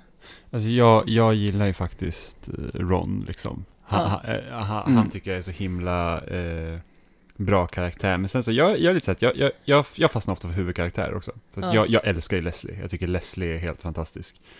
Eh, liksom just att hon är så himla... Hon är så otroligt så här, driven och samtidigt så här, väldigt snäll. Och lite smått galen emellanåt. Och, och, och på sätt liksom för att även om det finns många bra karaktärer så känns det som att alla karaktärer de får förankra någonting liksom i henne också. Eftersom hon är liksom huvudkaraktären. Det kändes som att du hade något form av så här Leslie-ögonblick idag när du satt och jobbade. Att du bara så här, nej men jag, jag kan ju liksom inte inte jobba för att då sätter jag den här personen i skiten. Eller ja, det kanske jag inte gör, men jag känner att jag måste bli klar med det här och jag måste göra det här. Och så sitter du under en filt, typ med luvan uppdragen i sängen och jobbar samtidigt och ynkar över din feber och bara så här, du har inte funderat på att kanske vila eller alltså det är okej att ta en sjukdag och du bara nej, Men jag bara känner så här, är jag sjuk idag så har jag så himla mycket att göra imorgon. det var typ den, Fast det är inte så jobb fungerar alltid. nej jag vet, men det, det var så det kändes. Och sen så att det är inget fysiskt krävande jobb så att man, det går ju bra ändå liksom. Ja, jag har ju liksom eh, också haft min beskärda del av feber idag. Det så här, ena sekunden så håller jag på att frysa ihjäl, ena sekunden håller jag på att svettas ihjäl. Så jag har ju gått så här fram och tillbaka till Asien under hela dagen. Eh, Men jag älskar också Ron för övrigt, som eh, ni båda har nämnt tidigare. Alltså han är ju seriens största citatmaskin också. Ja, gud ja. Han säger så himla många roliga saker och väldigt många saker kan man liksom inte ens själv sätta i sitt eget sammanhang. Men Mm. när han säger dem, alltså det är så extremt roligt och träffande och han gör så himla många saker som, eh, alltså det är svårt att göra annat än asgarva. Typ som när han liksom vädrar och bara så här, hon är här. Och då är det någon av hans exfruar. Båda Ja. heter Tammy och hans mamma heter också Tammy. Mhm. Och det är roligt liksom också hur han påverkas av exfruarna. Den ena blir han liksom precis spritt galen av. Och den andra blir han typ som en liten skolpojke igen. Ja, det är väldigt absurt. Men jag gillar också liksom hur alla karaktärer i serien, de har ganska så tydliga, eh, alltså både så här för och nackdelar eller vad man ska säga. Mm. Eh, de har ju liksom sina problem i livet. Eh, oavsett vad det kan vara för någonting. Det finns ingen karaktär som är liksom toppen av toppen. Och det finns ingen karaktär som bara är på botten. Man skulle ju liksom rent ytligt kunna tänka att Jerry till exempel är en sån karaktär. Men så kollar man liksom på hans familjeliv som är typ så nära perfekt som det går. Mm. Så alla karaktärer är ju väldigt nyanserade på det viset. Ja, det är det. Absolut. En annan favorit för mig är också Ben. I början Mm. så upplever man ju honom som lite torr och vresig. Ehm, Men jag tycker ju att han är väldigt rolig på sitt liksom nördiga och ibland lite torra vis. Det är väldigt roligt när han är liksom på den här revisionsfirman och så får han liksom dra sina torra skämt. Och alla älskar Och det, så, och det är så synd om dem. Ja, verkligen. Han kommer Ja, så, aldrig så dit. himla synd om stackars, stackars chefen där. Som är så jäkla glad att han ska börja jobba. Och sen så bara, alltså tyvärr. Han bara, okej.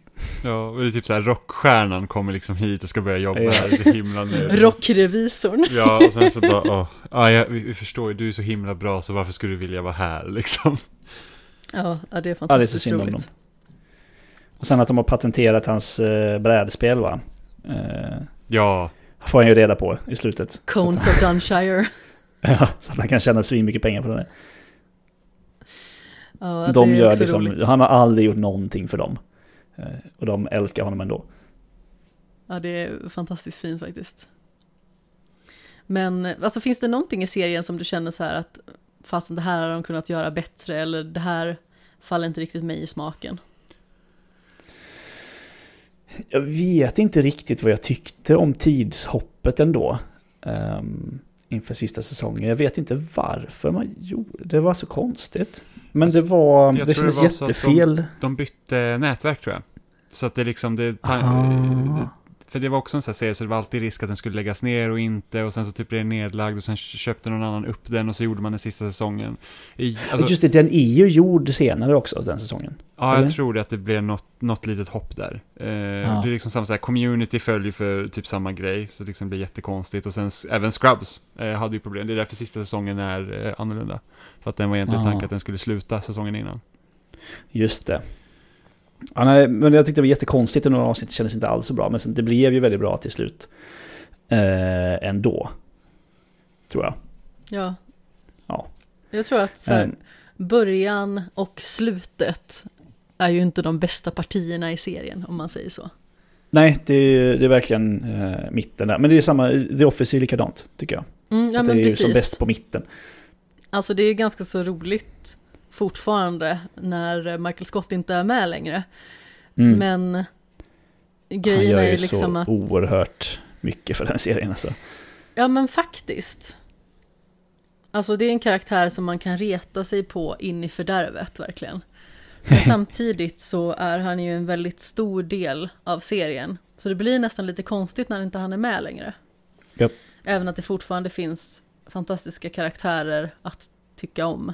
Alltså Mm. Dwight växer ju så otroligt mycket under seriens gång. Och i början tänker man ju bara, vad är det här för konstig människa? Det finns ju ingen sån här människa på riktigt. Och sen bara älskar man honom.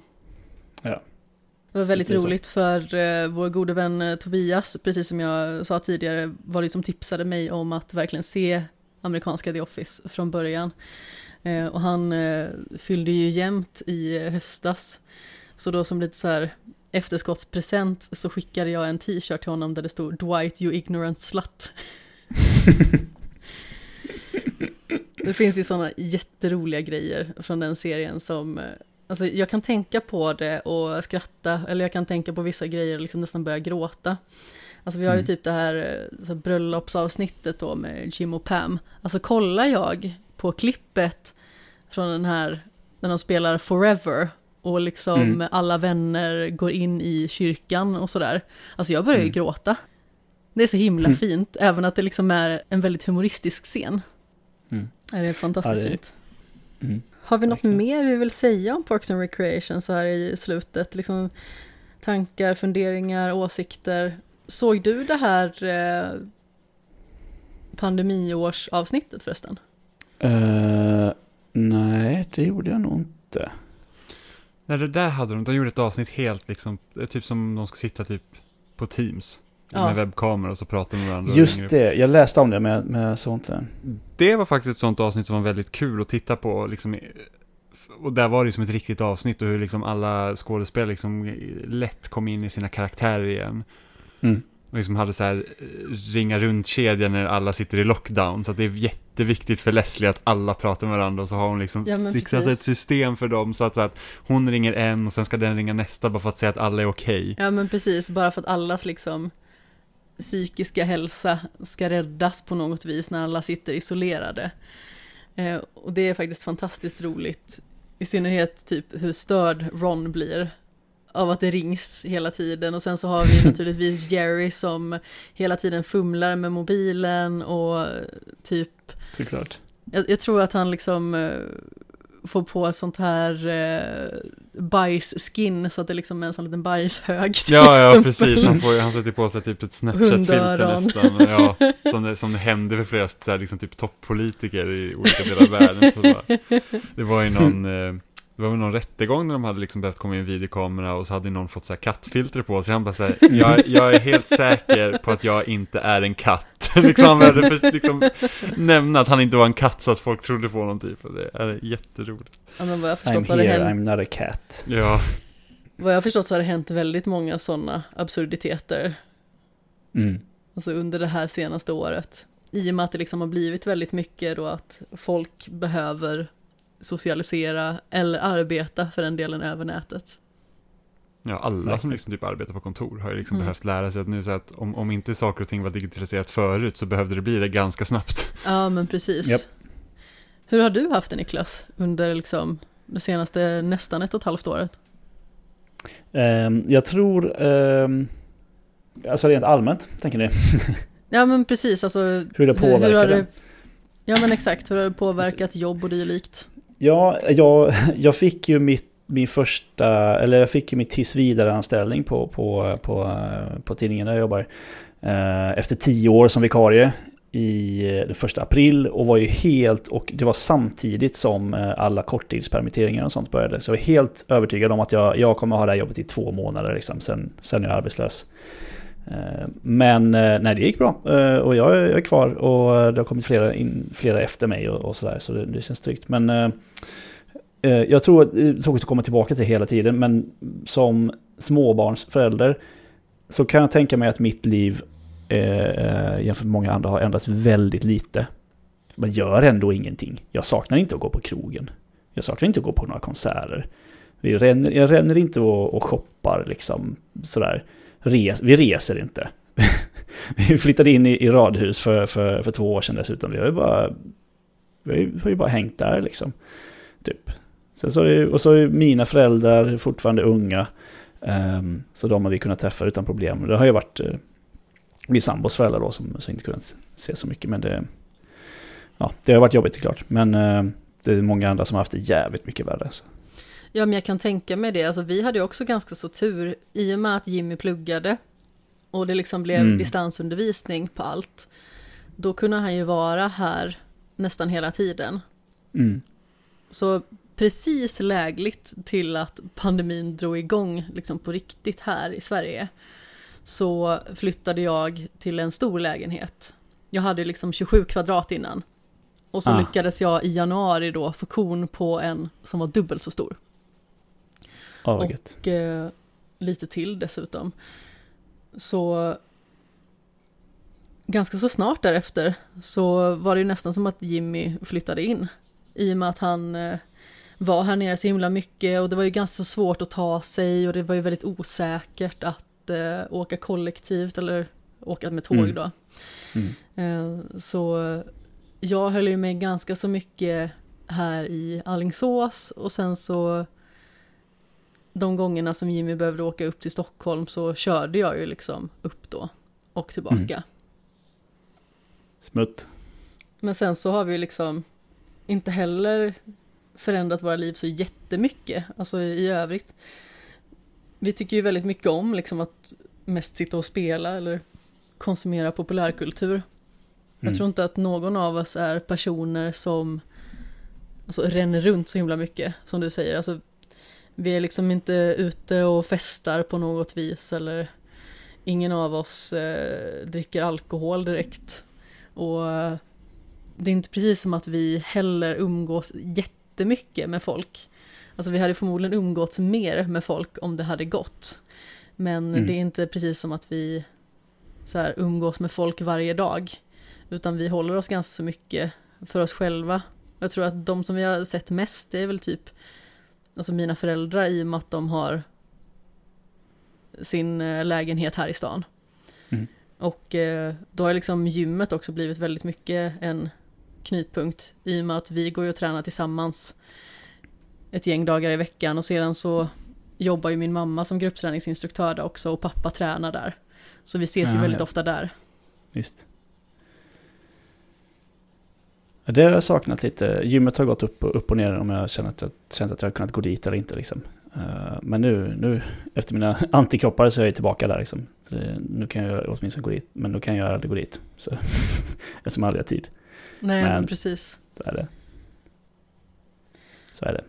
Men jag tänkte att vi skulle gå laget runt så här i slutskedet av podden och eh, ta tillfället i akt att eh, lyfta upp någon sitcom-serie som vi håller varmt om hjärtat.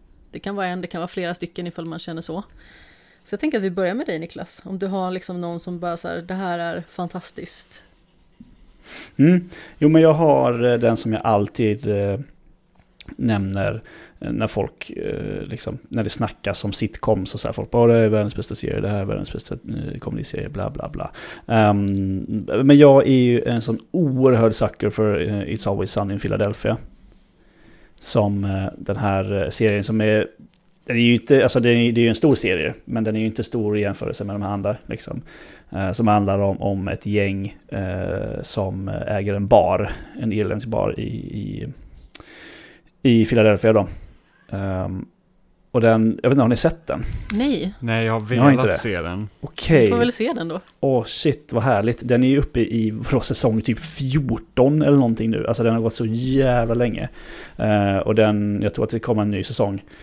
Om det inte redan har gjort det. Alltså det är så här serier det bara dyker upp nya säsonger liksom. Eh, och sen så typ eh, dumpas de och, och sen så plockas de upp någon annanstans och så här. Men den, den börjar liksom som är ganska så bara flippad Eh, eh, komediserie.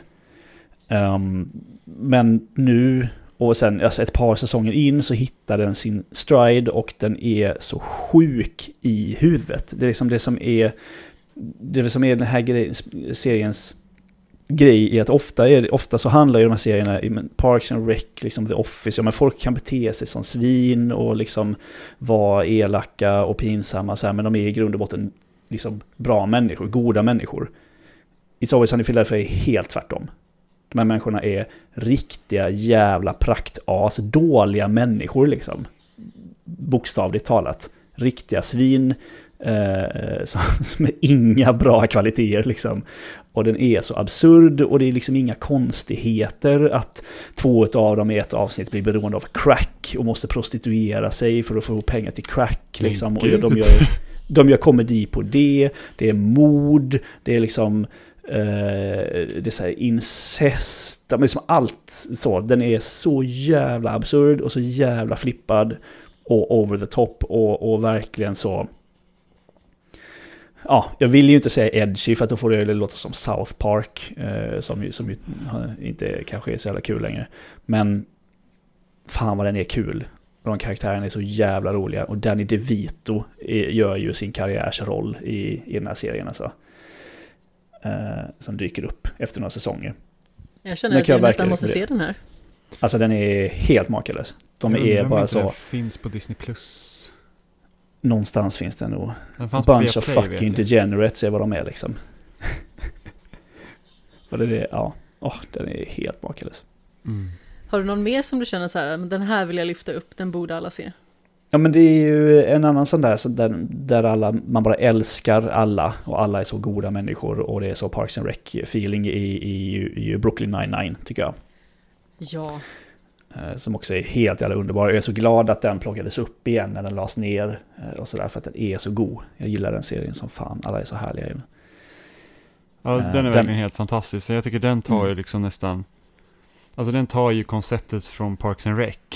Och så gör den nästan det ännu bättre. Mm. Eh, just för att de, liksom, de är så vänliga mot varandra och liksom och det här galna liksom polisgänget som, som det hade lätt kunnat bli slapstick att de typ så här fångar tjuvar liksom på grund av att de har tur men de är liksom bra på det de gör.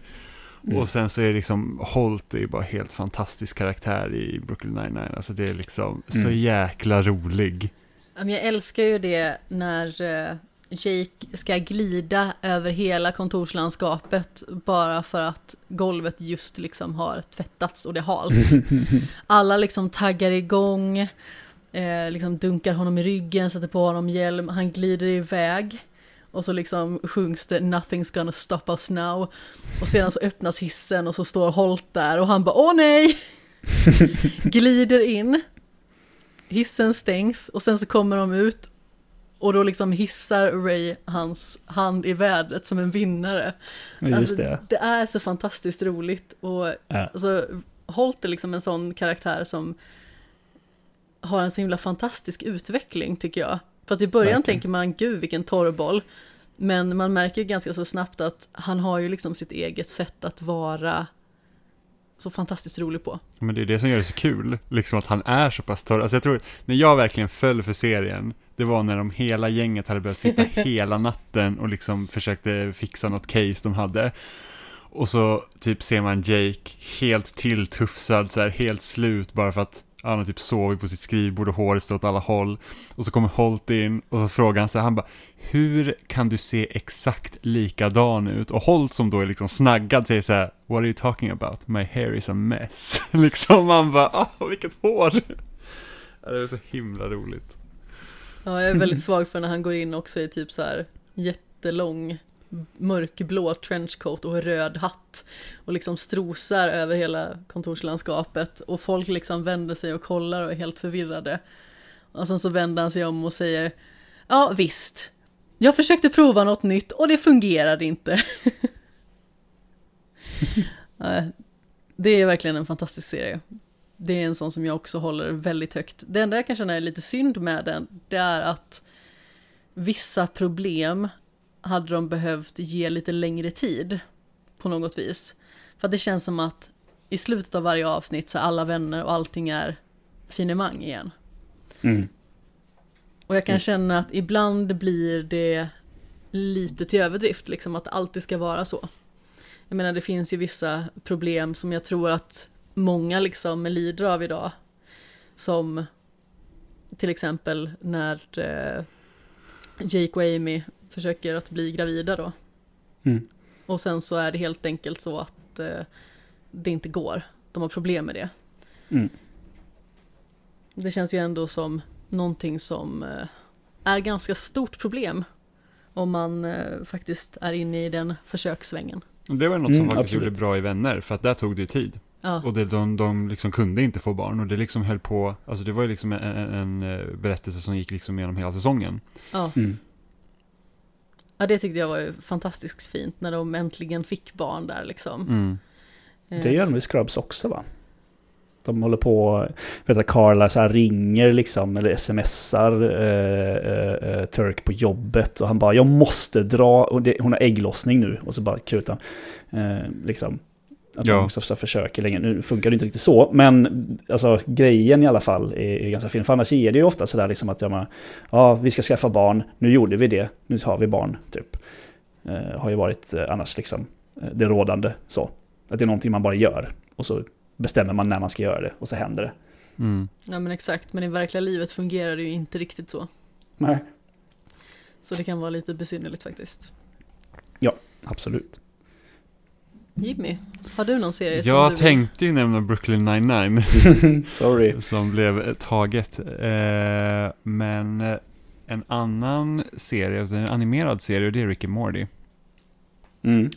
Som också är, alltså Många tycker liksom så här att jag blir rekommenderad den för att den här är en fantastiskt rolig serie. Och jag tycker inte att den egentligen är så rolig. Jag tycker den är tragisk. Och det är det jag gillar med den. För att den typ... Så du har ju då Rick som är den här galna liksom eh, morfarn till Mordy Som är en vetenskapsman. Och liksom den är ju typ sci-fi serie. För att det är liksom massa så här, de, de reser i tiden och de reser, det är utomjordingar och det händer liksom helt galna saker. Eh, men liksom ofta så tar den liksom i tema så att säga, ger en existentiell kris. Liksom att det, det, det händer så absurda saker i de här olika tidshoppen och, och, och liksom att man så här att det är så hemskt. Alltså det är liksom, man blir nästan skärrad när man ser det. Så den är inte liksom kanonrolig tycker inte jag, även om många säkert tycker det, så tycker jag liksom den, den är mer spännande på grund av det. Så det finns något avsnitt där eh, det är någon så här utomjordisk ras som, som liksom, den planterar sig själv i, i familjer. Eh, Och sen så liksom får den här familjen då minnen som att den här personen alltid har varit med. Eh, så att då får man liksom se massa olika händelser där den är med och sen så är det så här att börjar man tänka på liksom den här då personen som någonting, då kommer de här minnena skapas. Så liksom hela avsnittet går liksom ut på att de ska försöka få den liksom att vi måste övervinna den här så att vi, vi liksom får inte tänka på den typ. Eh, och sen slutar det med liksom då typ att mamman i familjen mördar den här personen då. Och liksom så här typ, nu har vi liksom klarat det. Och för sen så slutar det med liksom att hon tog fel person och mördade. Så att liksom hon typ, och när hon upptäcker det som är helt skärrad, liksom bara typ sitter och skakar så här med vinglas. Så liksom, det var en sån här grej liksom att, jag bara så här, vad fan är det jag precis har sett liksom? Så att eh, det får en liksom att tänka på olika saker. Jag, jag gillar den jättemycket på grund av det. Problemet med Rick and Morty tycker jag är att det är det är den bästa serien med den absolut sämsta fanbasen. För fy fan vad det finns mycket dryga Rick and Morty-fans. Ja, jag har förstått Och det, det, är så också. synd. Usch. Det är verkligen, alltså så, internet är ju sämst som vanligt. Men Rick and Morty-fans, alltså högljudda Rick and Morty-fans på internet är, är ju liksom... Det är den värsta sortens människor. Ah, fy. Eh, Men alltså jag tycker också jättemycket om serien. Det har ju väl kommit en ny säsong nu tror jag, som jag inte har börjat kolla på än. Ja, jag tror Det är det är typ väldigt, två eh, avsnitt på HBO eller något sånt har kommit. Ja, inte heller den, jag är ju väldigt, väldigt, eh, väldigt sugen på den liksom. Men eh, bara man kan hålla sig borta från diskursen på nätet kring eh, Rick and Morty så, så klarar man nog sig. Ja. Nej, det blir nästan liksom så här att, vad jag har hört, att det liksom nästan blir en tävling i vem som är smartast och mest Mm. fan, typ. Ja, Åh nej. Ja, och det är liksom, men, men kan man bara se serien och ignorera allt det så är den liksom, den är, den är speciell. Jag fastnade aldrig för den. Ja, men det tar tid att komma in i, liksom. man, man måste ja det gör liksom, det absolut. man måste nästan bara säga att, nästan vaggas in i att den här serien är lite märklig. och sen typ, Jo men så långt har jag förstått. mm. Oh, och sen en annan animerad serie som också eh, tycker jag är asrolig, det är Archer. Som är så att, Ja, den är kul. hur skulle vi göra om James Bond fanns på riktigt och vi faktiskt inte tycker att den här personen är helt fantastisk utan han är faktiskt ett eh, liksom, sexistiskt svin typ. Och superkorkad verkligen. Ja, ja, verkligen. Det är liksom så här typ, han är bra på det han gör, men han är liksom, det är mer på flax typ.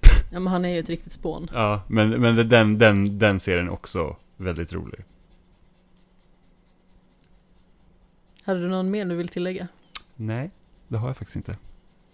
Alltså vi har ju varit inne på jättemånga superbra serier tidigare. Alltså vi har The Office och Parks and Recreation naturligtvis, Brooklyn 99.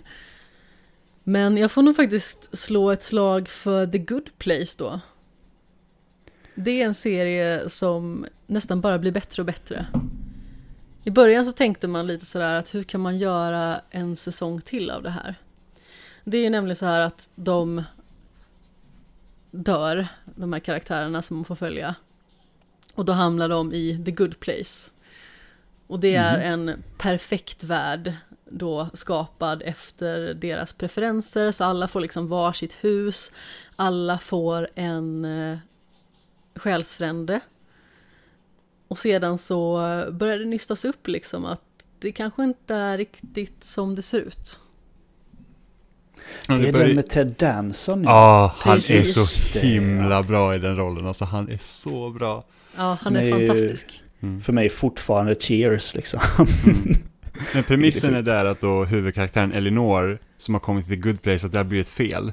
Så Ja. att hon ska egentligen till the bad place. Ja, Och eh, de har råkat tagit fel Elinor. Så att det är liksom, hon försöker ju maskera då. och låtsas att hon är god. Ja, precis. Och då, ska, då, då blir hon ju ihopparad med en som typ eh, har varit professor i etik. Mm. Och då ska en han lära... filosofiprofessor. Ja, och då ska han lära henne liksom att bli god och sen så, ja.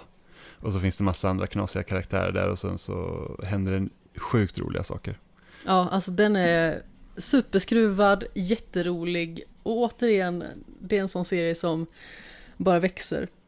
Det har kommit fyra säsonger tror jag och det ska Ja. komma en femte. Nej, den är avslutad. Så det är väl den blev fyra säsonger totalt tror jag.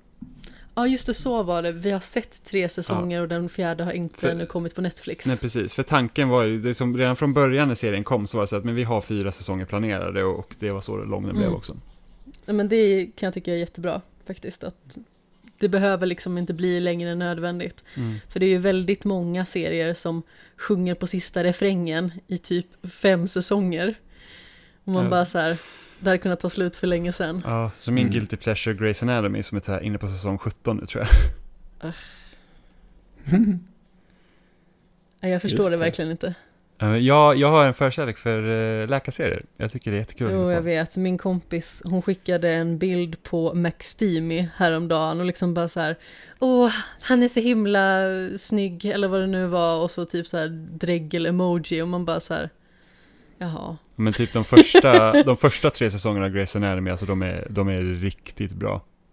Sen så har ju den serien hållit på alldeles för länge också, men liksom jag tittar mer på den för att det är så att Du kan inte låta bli. Nej, men jag måste ju se klart när jag börjat med någonting. Och jag har ju följt den sedan 2005, så att det, det jag kan inte bara sluta nu. Eh, men eh, de första tre säsongerna är verkligen, de, de, de är superbra verkligen.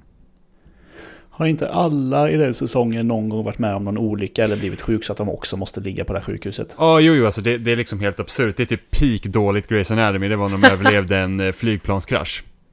Året efter att det hade varit en typ stor skjutning på sjukhuset. Men gud. Så att det är liksom, och jag tror en av karaktärerna till och med nämner det, liksom bara så att, alltså, hur är det möjligt att vi läkare på det här jäkla sjukhuset ska typ dö varje år nästan? Liksom. och du det, bara, det undrar jag det är också. helt absurt. Ja, men jag tror att det var jättemånga, liksom, det var ganska kritiska röster som liksom sa det, att så fort det ska bli spänning i serien så måste typ någon nästan dö. Det blir, det, det blir väldigt liksom löjligt. Speciellt med tanke på liksom att ja, men efter tre avsnitt så är det okej igen. Liksom, man, kan inte, man kan inte ha personer runt omkring en, alltså i ens närhet som typ dör. Liksom att det är typ två karaktärer om året som dör som man känner väl och sen liksom vara okej. Det går liksom inte. Ja, men eh, för att avsluta liksom min runda, alltså återigen, eh, saker som Ricky Gervais gör tycker jag också är liksom väldigt roligt i allmänhet liksom. Extras har ju ett ganska så säreget koncept. Där handlar det ju liksom om en statistskådespelare som liksom aldrig får sitt genombrott eller sådär. Och i varje avsnitt så är det dessutom en eh, känd person som är med och eh, spelar sig själv men liksom med en spin på sig själv. Så vi har ju till exempel, alltså, vi har ju till exempel då Kate Winslet som är med i ett avsnitt. Och hon spelar liksom så här jättepervers. Vilket man liksom inte alls kan tänka sig. Ehm, och vi har Daniel Radcliffe som är med i ett avsnitt tror jag också. Han är helt så här besatt av sex. Så det är liksom väldigt skruvade varianter av eh, verkliga personer liksom som är med då i det här. Det är faktiskt eh, otroligt roligt. Jag älskar avsnittet när faktiskt David Bowie är med. Mm, Eh, väldigt värt att se, kan jag säga. Men jag tänkte att vi skulle börja runda av för dagen. Mm. Det var kanon att ha dig med igen Niklas. Det var roligt att vara här, höll jag på att säga. Om man nu kan säga det på en, eh, om en podd som man spelar in på distans. Men eh, det var jättekul att vara med igen. Du får jättegärna komma tillbaka. Det ser jag fram emot på förhand. Tack vad snällt. Um, vart hittar man dig för någonstans? Eh, men vanligtvis så hänger jag ju på Svampriket, den här spelsajten som gör olika saker. Uh, framförallt podd och stream och video gör vi nu för tiden. Um, podden Svamppodd där, som jag är med i ibland. En av ett stort gäng som är med. Annars så, ehm, nej, hänger väl på Twitter typ. På Niklas Sintorn. I ett ord. Om man vill eh, prata med mig där. Men det är väl typ, typ det. Annars så hänger jag här i radhuset i, i Malmö och eh, hänger med min familj typ. Ja men det är fint. Har du något speciellt projekt nu på Svampriket liksom som du sysselsätter dig med? Nej, eh, just nu är det väldigt mycket eh, stiltje efter E3 och sådär. Bara ta det lite lugnt. Aha, jag kan tänka mig det. Eh, Och ska ja, men, ha lite sommarsemester och sådär. Så nej, det, det, får, det får komma. Eh, Det får komma framöver. Ja, kanon. Jimmy, vart hittar man dig? Ja, jag skriver om spel på loading.se och så poddar jag om spel i spelsnack. Och jag är detsamma. Ja, en liten härbapa hör du. Ja, eller hur? Mm. Samma sak? Men bara gör precis som jag gör. Vem var det som värvade mig till spelsnack egentligen? Det hör inte hit. Nej, okej. Nej, men naturligtvis så kommer eh, den här följetongen av eh, Mass Effect fortsätta inom kort med eh, tredje avsnittet av Kapten Stens rymdäventyr. Det borde komma upp om någon eller kanske två veckor. Och sen så nästa gång kommer vår kära vän Stefan åter och då kommer vi faktiskt prata om eh, Bo Burnham och hans skapelser och då framförallt Inside. Men det var så himla bra Niklas så hoppas jag att vi hörs snart igen. Eh, ja, det hoppas jag också. Som sagt, det var väldigt kul att vara här. Tack så mycket. Tack så mycket själv. Och till eh, ni kära lyssnare där ute, puss i ömsken. Hej då! Hej!